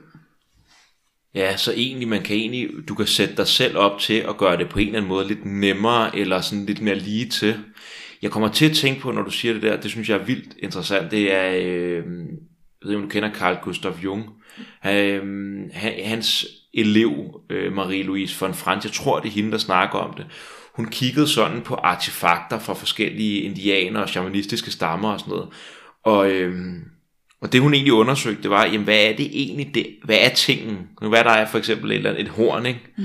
Og i, øh, i ritualkonteksten og i den her stamme, der kan den alt muligt. Den har kræfter, øh, der er guder, der taler igennem den, den kan alt mulige ting. Mm. Den har virkelig en, øh, hierarkisk står den nærmest højere op end menneskerne mm. selv, fordi den går på tværs af tiden og på tværs af generationer. Den er altid. Så der kan den alt muligt. Det hun så lagde mærke til, det var, at den, der er et eller andet i den, i tingen. Hvis du tog den der, det der horn og puttede den på et museum, hvor folk bare går og kigge i en eller anden ja. kasse, så hele betydningsrammen, alt den der mening, der ligger bagved, den forsvinder ligesom. Mm. Øhm, så der er et eller andet, vi, vi kan faktisk, og, og det, grund til at jeg fortæller det, det er lidt mere, fordi det som de gjorde, det der giver det, det der besjæler tingen, det var, at de ligesom havde en ritual, at de kiggede på det med bestemte øjne, mm. og i søgen eller i en eller anden dialog for noget større, hvor at øh, det kan man selv gøre. Altså man kender det selv. Det der med, hvis man har fået en eller anden øh, nu sådan nogle krigsfilm om 2. verdenskrig, hvor at konen hun lige giver manden det der billede, hvor der er et billede af hende, og ja. han holder det i midt i krig på en måde, som man hvis du bare så det som en eller anden metal, som et, et, et, et halskæde lavet af metal, så vil det give mening. Mm. Men fordi det har en eller anden betydningsting, og forbinder ham til en oplevelse, til en følelse, så giver det mening. Og det kan vi gøre i vores hverdagsliv. Det glemmer vi jo nok lidt, fordi vi bare tænker, det skal se ud som billede øh, lige direkte ud fra Ilva. Ja. Vi kan lige så godt bare tage hele det billede, vi skal bare have det her. Jamen, ja. hvad, hvor er du henne i det? Ja. Hvor er det, der taler til dig? Ja, helt sikkert. Og, og Nej, nu skal det ikke handle om Ilva, men, men det er det, jeg oplever, Nej. når jeg kommer ind i et Ilva hjem, ja. så kan jeg ikke mærke de mennesker, der bor der. Nej. Så kunne det være hende, ham, hende, hende. Jeg tror ikke, der er nogen, der er i tvivl om, når de kommer ind i mit hjem, så kan de mærke mig. Det kan man. øhm, og, og, og, og også fordi, som du selv siger, det, det, det var det, jeg ikke kunne huske før, jeg vil sige, nu kan jeg godt huske det, at øh, det er rigtigt, at der er ting i mit hjem, som vi kunne finde for 3.000 år siden, eller det lige. Og så er der også moderne genstande, fordi at jeg også er et barn af i dag. Ja. Og at jeg udnytter de øh, innovationer og ting og sager, som, som gavner vores hverdag. Mm. Øh, jeg kan huske, at jeg læste engang en artikel om en sibirisk shaman, som havde det første møde med en computer. Og så øh, hans ånder, de havde tvunget ham, han måtte ikke skrive noget ned, så han var blevet tvunget til at huske alle af hans ånder, eller hans åndelærer, ligesom at, uh, til at huske alle sange, og huske alle historier, og huske alle ting. Og da han så oplevede det der med en computer, man kunne skrive noget ned på, og det kunne gemme det, og man kunne tage det frem, og det var sådan, nøj, han synes bare, det var en gave, ja. ikke? hvor vi er sådan, uha, vi må ikke have noget elektronik, vi må ikke have noget, der, fordi så er det ikke autentisk, eller så er det ikke, hvor at, for helvede, altså hvis du, havde, hvis, hvis du giver en indianer i gamle dage i gevær, så har han også lært sig at bruge det, fordi det er nemmere, end at skulle bruge en brugerpil. Helt sikkert. Øhm, ja, og jeg tror faktisk, men ja, der er også noget, hvor jeg tænker, øh, vi kan også, hvad kalder man egentlig sådan en, øh, det hedder et eller andet, når man har sådan en genstand, som man tilskriver en eller anden værdi. Altså en, en fetish, eller sådan? Nej, jeg kan ikke huske, hvad filen... Nå, det er i hvert fald, det har et eller andet... Øh, en votivgenstand? Ja, hvis der er nogen, der ved, hvad det er, jeg snakker om. Det lyder lidt som om, at det er noget diamantagtigt op i mit hoved. Jeg kan ikke huske, hvad fanden det hedder. Men i hvert fald, man kan jo have det der, hvor man tilskriver værdi. Og det kan jo også godt, det behøver ikke være ting, der er old gamle. Det kan jo være ting, man bare synes, der er pæne. Eller en eller anden vase, man har øh, ja. fået af sin øh, mormor. Eller øh, design, altså det, det, det kan være alt muligt, men der er et eller andet i, måske, jeg tror måske mere, at jeg tænker på det der med, at der er en intention, vi lægger i det. Hvad for en relation vil jeg have til ja. den der designerstol, jeg har? Er det noget, jeg har, er det, har en relation til det, som om, at det er et eller andet øh, objekt, jeg kan få anerkendelse med? Ja. Eller er det, øh, er det faktisk noget, som der taler til noget æstetisk i mig, noget som der, ikke? Altså, der er to jo, forskellige måder jo. at tilgå tingene på. Altså, jeg har faktisk, normalt så bærer jeg sådan en lille medicinpose, øh, og i den er det jo fjollet de ting, der faktisk er i. Hvis jeg viste det til dig, så ville der være en muslingskal og et lille stykke træ af en hyldegren mm. og, og, en, og en fjer fra en musvåge.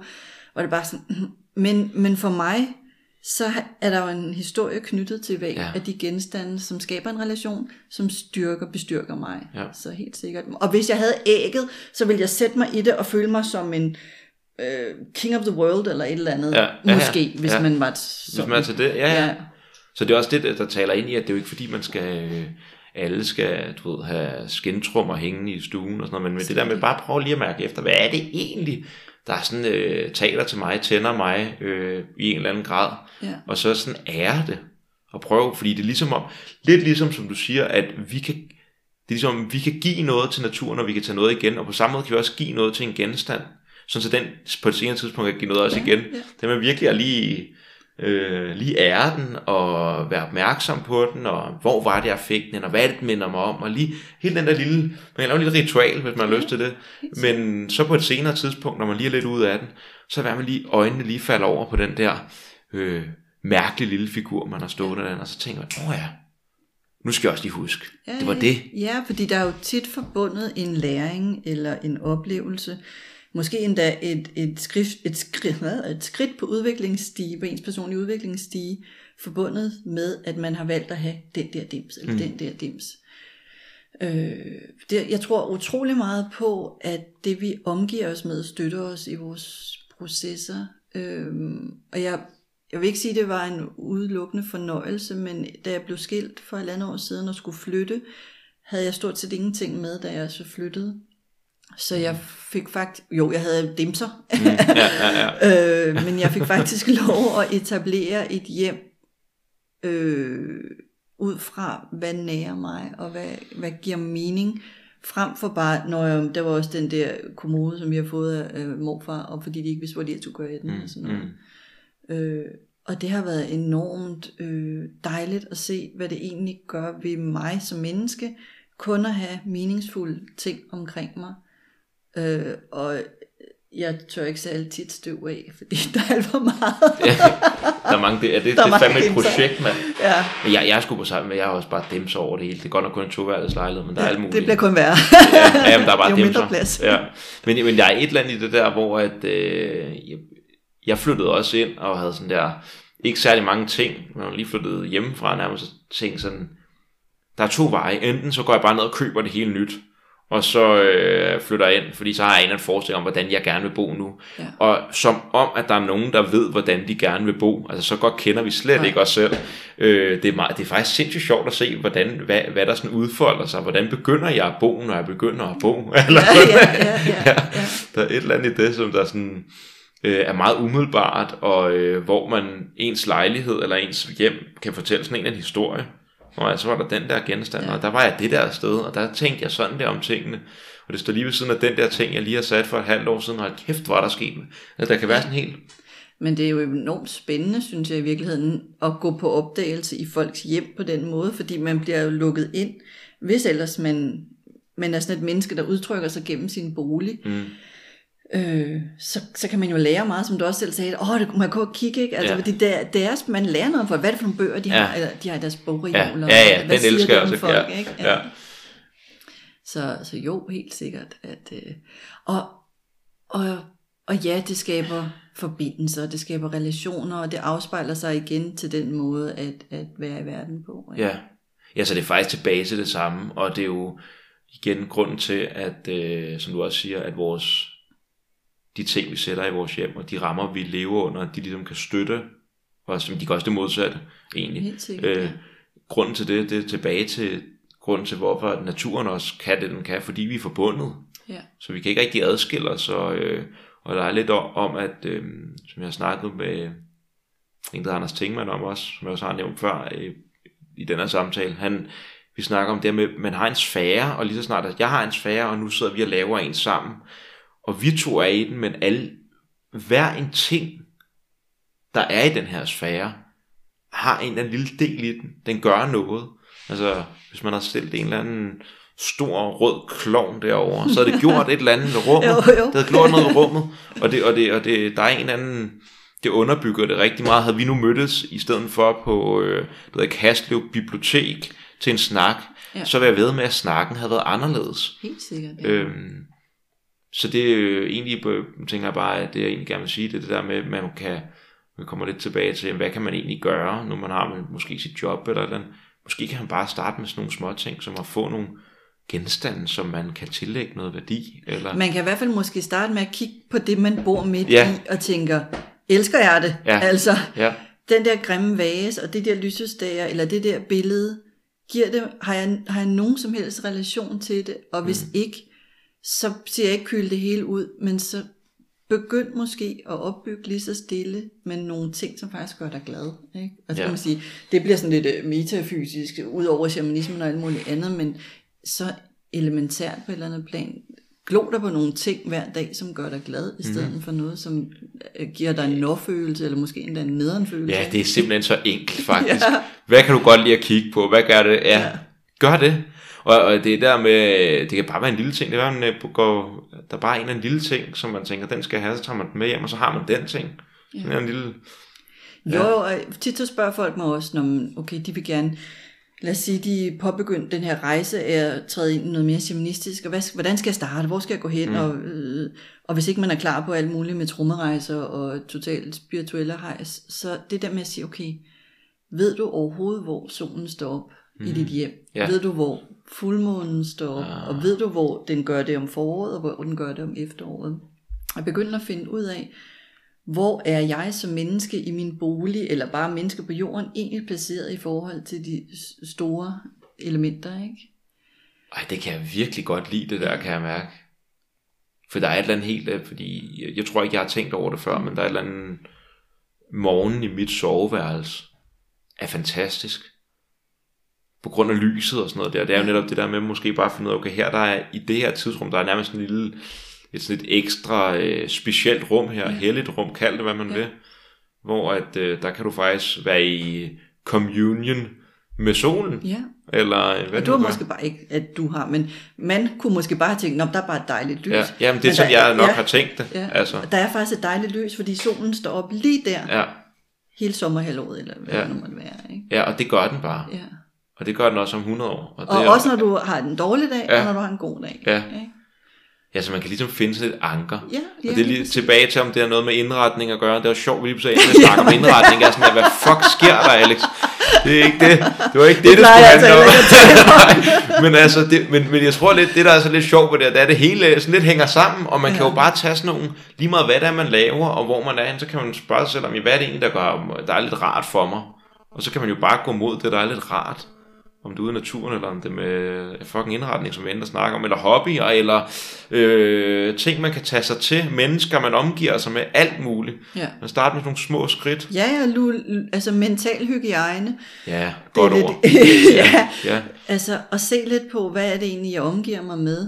Øh, altså, de mennesker, jeg har i mit liv, giver jeg dem noget, giver de mig noget, mm. og det jeg gør i min hverdag, og, og igen det der med ankeret også, at ja, hvor er jeg i verden, hvor, ved du, ved du hvor nord er i dit hjem, ikke? Mm. Altså, øh, jeg har ingen eneste Nej, nej. Og ved du hvad, altså, det er der masser af mennesker, der ikke Nej, aner en skid om. Ikke? Øhm, og, og, og lære det der med, at, at okay, når det er fuldmåne, så er det faktisk fordi, at, at solen står op, eller øh, solen går ned, når månen står op, ja. så er solen og månen lige over for hinanden. Altså du ved, det er bare sådan nogle bitte små ting, som er viden, som har været ad- almenneskelige de sidste 30.000 år. I dag, der aner vi ikke døjt om det, vel?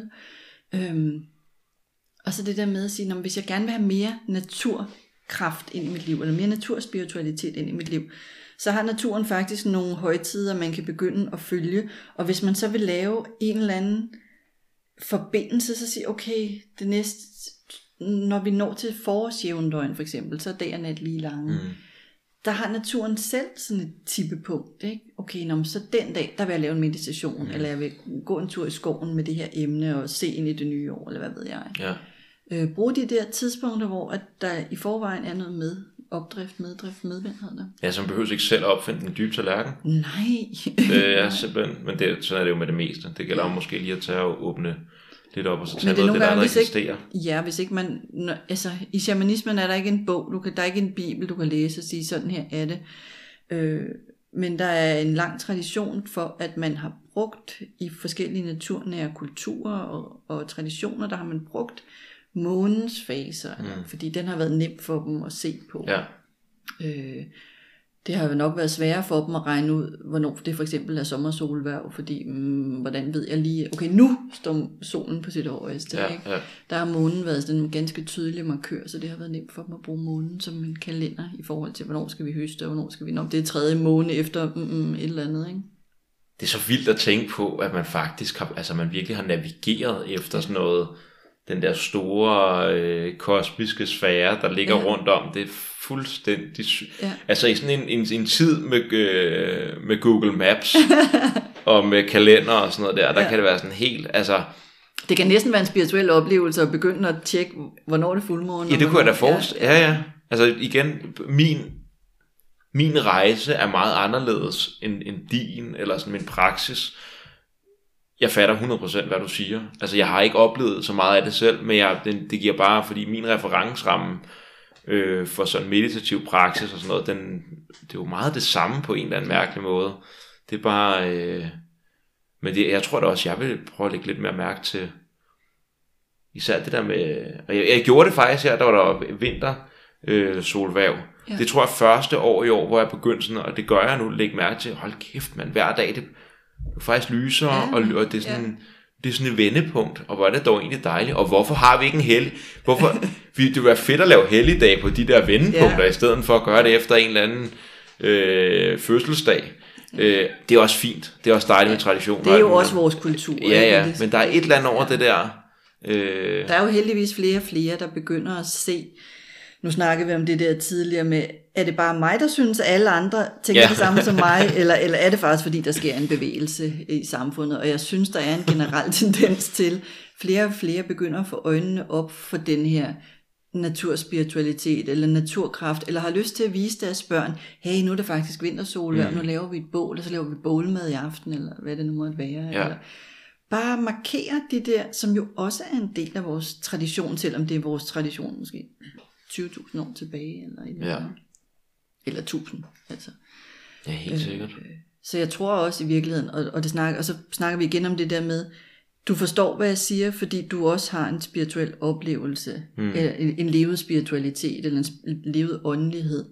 Så derfor kan vi godt snakke sammen, selvom at, at jeg bruger nogle andre ord, eller nogle andre vendinger. Følelsen, stemningen, oplevelsen af behovet, tror jeg er universel. Ja, og det er jo egentlig mærkeligt, hvis man skulle forestille sig, at det var andet end universelt, fordi vi er mennesker, ikke? Og Jo. de der store eksistentielle ting, og det har vi, de er grundlæggende i vores eksistens. Altså sådan, sådan er det bare. Ja. Det er jo ikke, på en eller anden grundlæggende måde, er det jo ikke anderledes for mig, end det er for dig, eller for en helt tredje. Og så vores måde, vi måske sådan omtaler det på, og hvad der sådan træder frem i vores liv, det kan ændre sig, og det kan være forskelligt. Men vi er indlejret i det samme. Altså sådan, 100 procent. Og der tror jeg i høj grad, at det handler om at finde den sti, ja, der giver mening for dig. ja, Om det så er meditation, eller det er natur, eller det er øh, hula hop. Altså ja, ja, ja, ja. hvis, hvis, det, hvis det åbner dig og giver dig en meningsfyldthed. Ikke? Mm. Ja, det er bare det der med lige at komme... Men det, jeg tror, det er virkelig det der med bare lige at tage de første...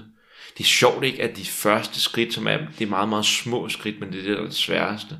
Helt Det der med, nu snakker jeg med blandt andet nogle af mine kammerater, så spørger de sådan, jamen, og hvad var det nu, den der? Fordi jeg, altså, hvad var det nu? Hvordan var det, man kom i gang med at meditere? Og er ikke fordi, at jeg sådan siger, at de skal, altså ikke skal, men når jeg foreslår det, det er ikke fordi, at jeg kommer et eller andet, skal du sidde en halv time hver morgen og en halv time hver aften. Det er sådan noget, tag fem minutter. Men prøv, prøv, prøv at gøre det dagligt. Tag et lille skridt om dagen. Tag et lille skridt derhen af. Men det er det sværeste, hvor hvis du først kører, ja. det er jo nemt for mig at sige, Ja, jeg sætter mig hver morgen, ligesom jeg børster tænder. ja. Det, er bare, det gør jeg bare. Så det er jo den der start der, men Men der tror jeg igen også, vi er tilbage til det der med ritualer og rutiner. ja, Hvis vi skal altså etablere nye vaner, om det så er, fordi vi vil have en daglig praksis inden for en eller anden spirituel retning, så er det noget med at få gjort det til et lille doable skridt i forhold til, ligesom når vi børster tænder, så tager vi også lige tre minutter med morgenkaffen, eller tænder mm. det her lys, eller, eller ja. har en intention for dagen, eller et eller andet. Ja, man skal måske gå hen og blive lidt cyklisk selv i en eller anden grad. helt sikkert, ja. Altså- Altså, altså sådan, sådan arbejder jeg jo meget selv. Ja. Øh, og jeg bruger, for at have mine egne pejlemærker, så bruger jeg, når okay, nu i morgen er det nymåne, så laver jeg et ritual i morgen. Ikke et langt, indviklet, stor ceremoni. Bare lige en, okay, hvad skal jeg fokusere på den næste månedscyklus? Ja. Øh, det giver lige mig. Når jeg så går igennem den næste månedscyklus, Ja. og så lige, altså de ting, man, man tumler med i et helt almindeligt hverdagsliv.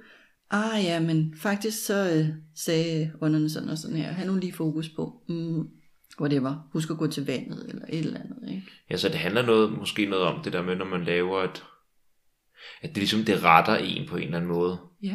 Øh, jeg har sådan, jeg først her på det seneste års tid, hvor jeg begyndte at have sådan, jeg tror ikke selv, jeg konceptualiserede det som ritualer, men jeg har bare nogle ting, jeg gør hver morgen. Ja. Altså, Ritual.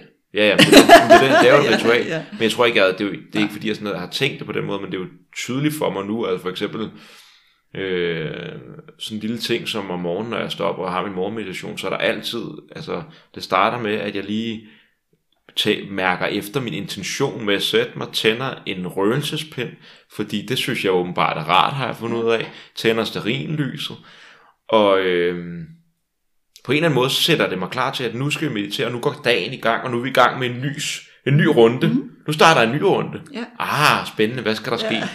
Ja. Øh, og at det er også en ting, som jeg tænker, der er nemt at komme ud af i alt vores kaos og virvar og øh, den moderne hverdag. Men måske det er en virkelig en stor tjeneste, man kan gøre for sig selv. Og lade, på en eller anden måde skabe en eller anden struktur, en ramme, en ritual ting. Helt sikkert. Øh. Altså, øh, min, min kloge ven og lærer Annette Høst, hun øh, har sådan en, et citat, eller noget hun har sagt, at det der sker i ritualet, det høres i alle verdener. Hmm. Øh, forstået på den måde, at hvis, og jeg vil helt klart kalde det, du laver om morgenen, et ritual. Hmm. Øh, et ritual består af en ramme og nogle forskellige skridt, du tager. Du tænder røgelsespind, du tænder lys, du sætter dig, du har en intention. Du har sikkert også en eller anden form for åbning og en form for afslutning på mm. ritualet. Øhm, og det, der sker i det rum, det bevidner du selv, men det bevidner universet, eller de kræfter, du nu engang forholder dig til, det bevidner de også. Fordi du sidder ikke med telefonen i den anden hånd og har, har news kørende i baggrunden. Du er i et fokuseret aflukke, så at sige. Ja. Øhm. Ja, man skaber faktisk lidt en container til at give slip på sig selv i en eller anden grad. Ja. Altså, øh, jeg tror også, jeg brugte, jeg, jeg, jeg, der er en, i en eller anden grad, så er det, at når jeg, øh, hvis man går ind i et ritual, bare lad os tage mit eksempel med den der morgen der, som er meget, meget uglamorøst og, ja. og nemt. Jeg står måske op og står op som Alexander, og der begynder at komme måske nogle bekymringer op, og hold kæft, en lortedrøm, jeg havde i nat, og du ved, et eller andet. Mm. Det er mig, det er en person. Så går jeg i gang med ritualer, og lige pludselig så langsomt, så træder jeg ind i en eller anden mere, uden at det skal lyde som om man er oplyst, eller eller men sådan en mere, mere selvløs væren, hvor at man gør det, lige meget om det er en god dag eller en dårlig dag, så gør du det her. Det er meget mere et, et eller andet øh, forudbestemt flow, en eller anden cyklus, man skal igennem, et eller andet, som ikke har så meget med mig som person at gøre, mm. så man efterlader lidt sig selv, og så træder man ud i, efter den oplevelse, så i en eller anden lille grad, med mit der er det meget småt, store ritualer er noget andet, altså hvis man for eksempel bliver gift, det er sådan et at gå ind i en ny verden, altså det var en, der gik ind til at starte med, og nu sætter en intention, har en oplevelse i en meditation, og på den anden side, så er jeg på en eller anden måde ikke den samme mere. Nu er jeg den, der skal til at have dagen. Ja. Helt sikkert. Man siger jo også sådan øh, akademisk om, at når man går ind i ritualets rum, så er man i liminalfasen, der er man nøgen og formbar. Ja. Øh, så helt klart, også de små daglige ritualer, som, at du har, jeg behøver ikke gentage, for du har beskrevet det så fint, men det er jo det der med at, at blive forandret mm. Og træde ind, tilbage i menneskenes fællesskab som et, et nyt individ. Det kan godt være, at dit nye individ bare hedder Alexander, der er klar til onsdag, mm. ikke? Men, men du er stadig du har stadig flyttet dig fra at være, åh, ja. tirsdag. ja, ja. ja, det er rigtigt. Ja. Så der er en eller anden, øh, igen, ja, er noget død genfødsel ja. en eller anden.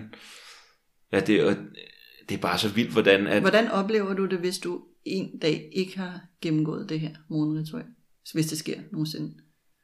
Det er, det tror jeg, lang tid siden det er sket. Jamen, så er det altså nogle øh, ganske naturlige årsager, som at så er jeg et andet sted hen. Mm.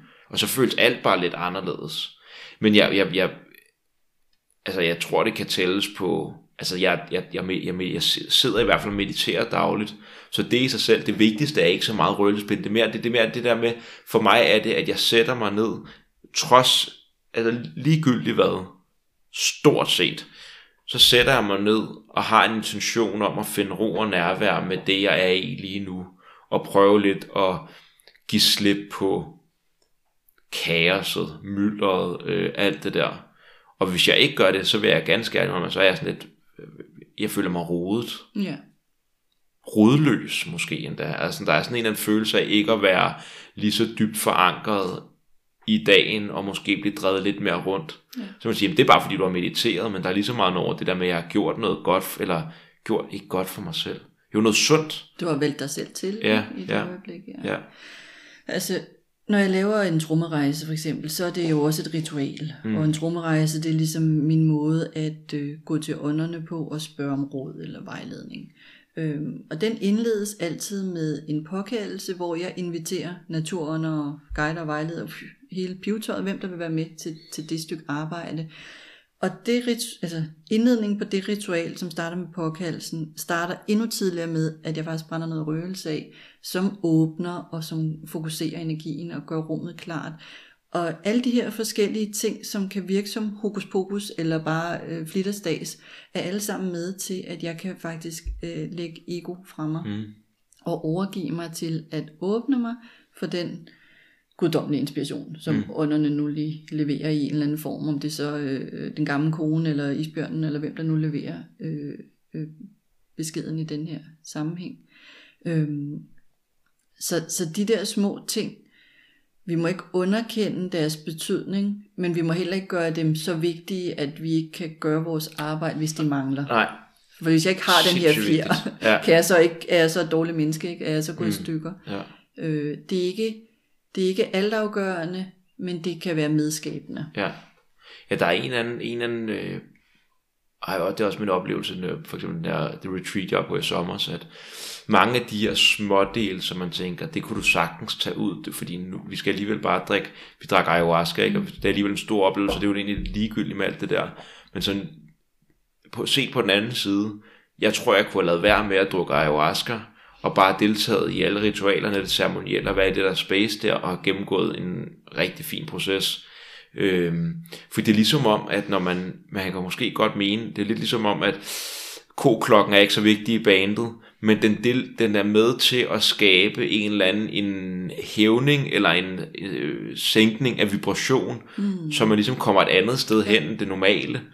Øh, om det så er røgelsen, eller at man lige står og synger sammen, eller hvad det nu kan være, i sådan en større rituel ja. Sætning, eller at du øh, har et eller andet med at tænde det der stearinlys der, når du står op om morgenen, og du ja. Lige har, bruger 10 minutter, før du kigger på din telefon, og du lige sidder i stillhed og drikker morgenkaffen.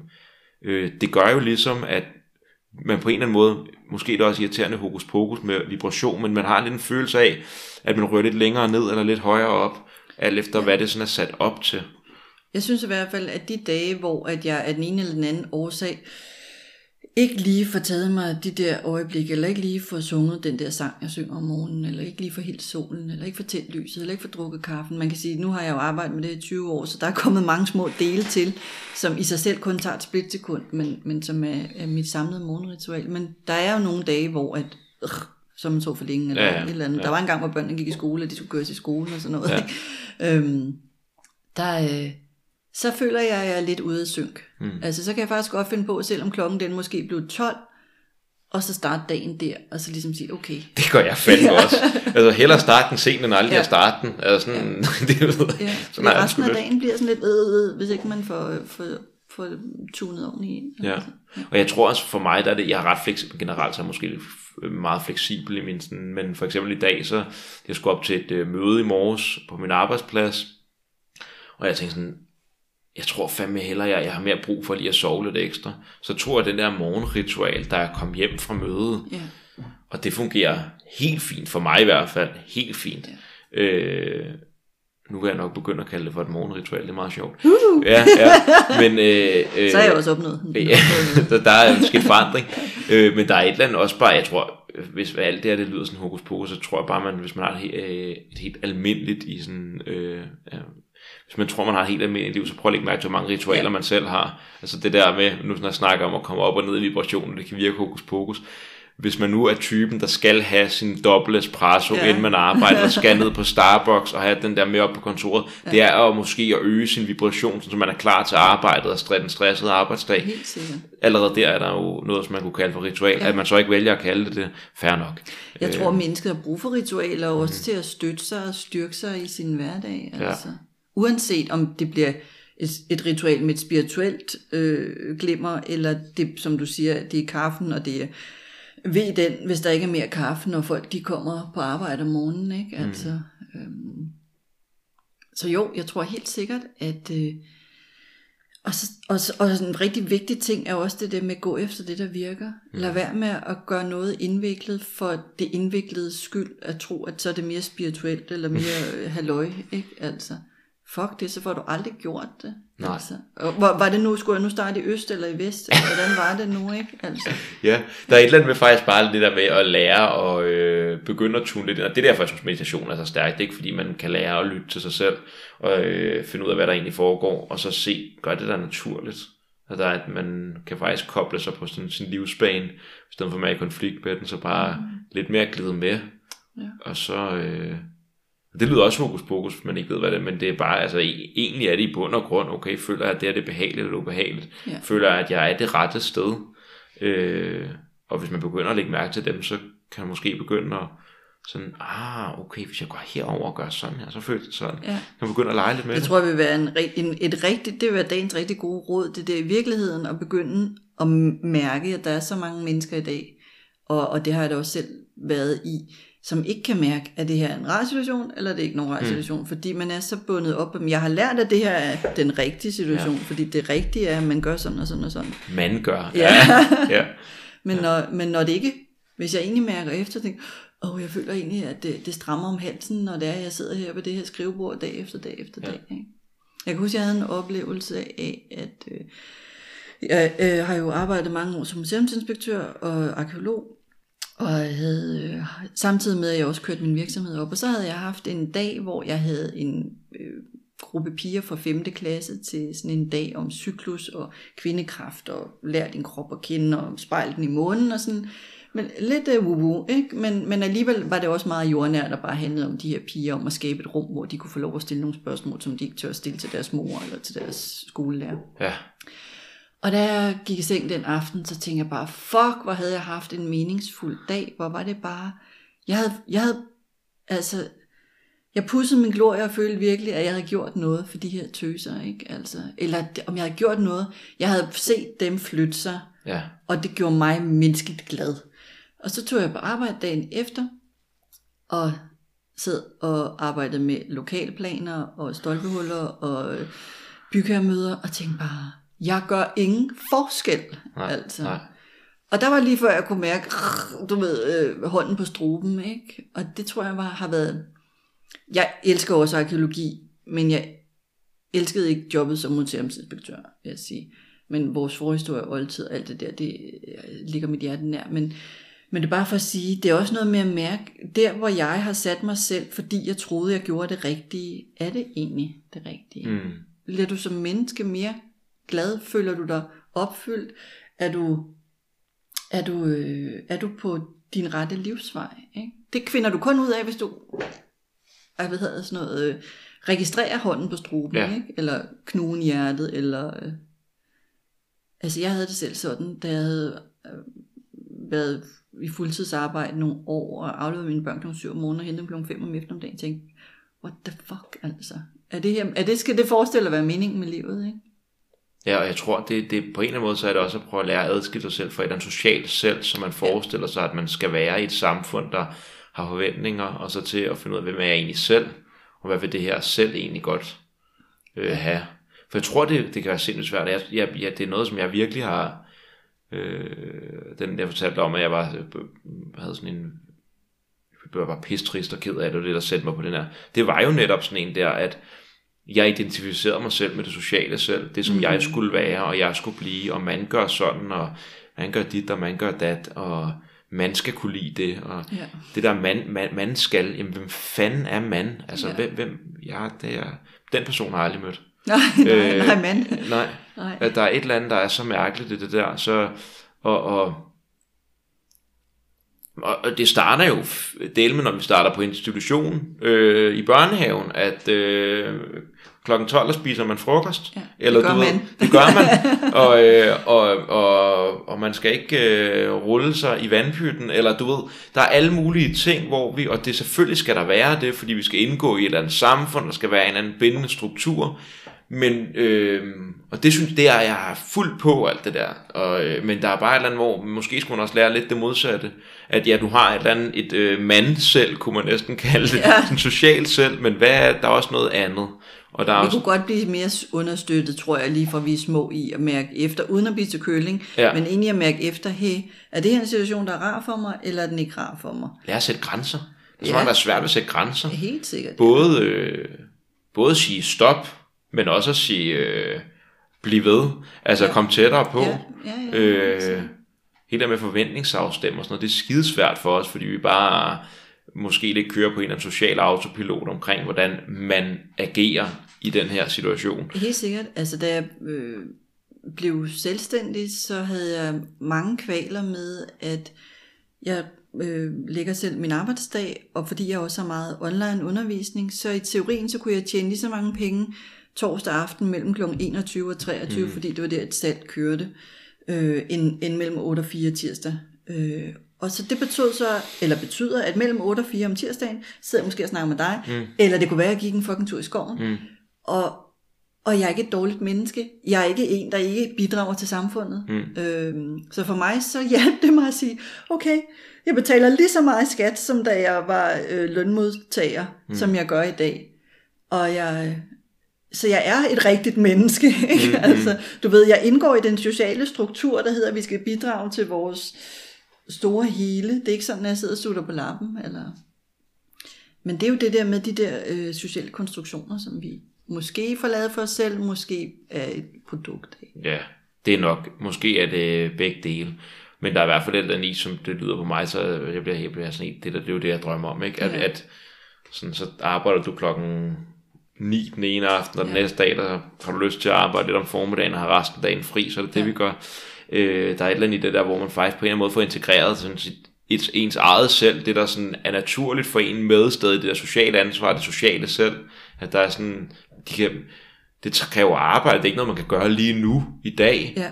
men man kan godt gå hen mod en eller anden integration af de to, og skabe en eller anden fælles, et, et fælles selvbillede og en fælles oplevelse af, hvad, hvem man er. Jo, øh. helt sikkert, og så kan man jo have nogle værdier og en målsætning i forhold til, hvad vil jeg gerne bidrage med? Hvad er vigtigt for mig? Når det er for eksempel vigtigt for mig, at jeg bidrager til mit samfund, og at jeg hjælper dem, jeg har mulighed for at hjælpe. Og, mm. og, øh, og samtidig er det også, altså, så er vi tilbage, helt tilbage til det, vi snakker om i allerstarten, det der med, at hvis jeg selv fylder mig selv op først, hvis jeg selv tager masken på, hvis jeg selv sørger for at arbejde med mig selv, så er jeg et bedre medie til at agere i verden og hjælpe andre. Ja, og selvfølgelig er det sådan. For det eneste sted, vi kan hjælpe andre fra, det, det er herfra, ja. hvor vi selv er. Det tænker jeg er en ret god måde måske at runde, runde lidt af på. Det har været en kæmpe fornøjelse. Altså det, og jeg synes, det er skide sjovt der med, at jeg vidste ikke særlig meget om dig inden, og så er det bare, det er faktisk noget, der nyder. Det, ja. Der er et eller andet ved, hvis, jeg nu, hvis du nu har skrevet 10 bøger, og har læst dem alle sammen, og lyttet ja. til alle dine et eller andet, øh, så vil det være en helt anden samtale. Det er meget fedt, at jeg er sådan, ja. Det, så det er tak ja, for det. Tak ja, for at lukke mig ind. Ja, det, det var fedt. så lidt, altså, og jeg tænker, hvis du havde set alt, hvad jeg havde lavet og skrevet og vist, så havde vi heller ikke snakket om indretning og, nej, nej. og, og sociale strukturer, men jeg synes kun, det har været dejligt og opløftende og friskt. Ikke altid at skulle snakke om planter eller trommerejser eller ikke så fordi... fik vi noget andet. Men jeg tænker lige til sidst, hvor, øh, hvis man nu tænker, det lyder fandme spændende, hvad gør man så? Ja, men så, øh, som, som jeg også sagde, så øh, mit liv foregår på de sociale medier rigtig meget, så jeg kan selvfølgelig findes på min hjemmeside, hyllemorshave.dk, og så kan jeg findes på Facebook og på Instagram, mm. også under Hyllemorshave. Fedt. Og der har jeg der er jeg meget til stede, øh, og er der bevidst til stede, så, mm. så endelig. Følg med ja. opfordring herfra. Ja, tusind, tusind tak. Selv tak.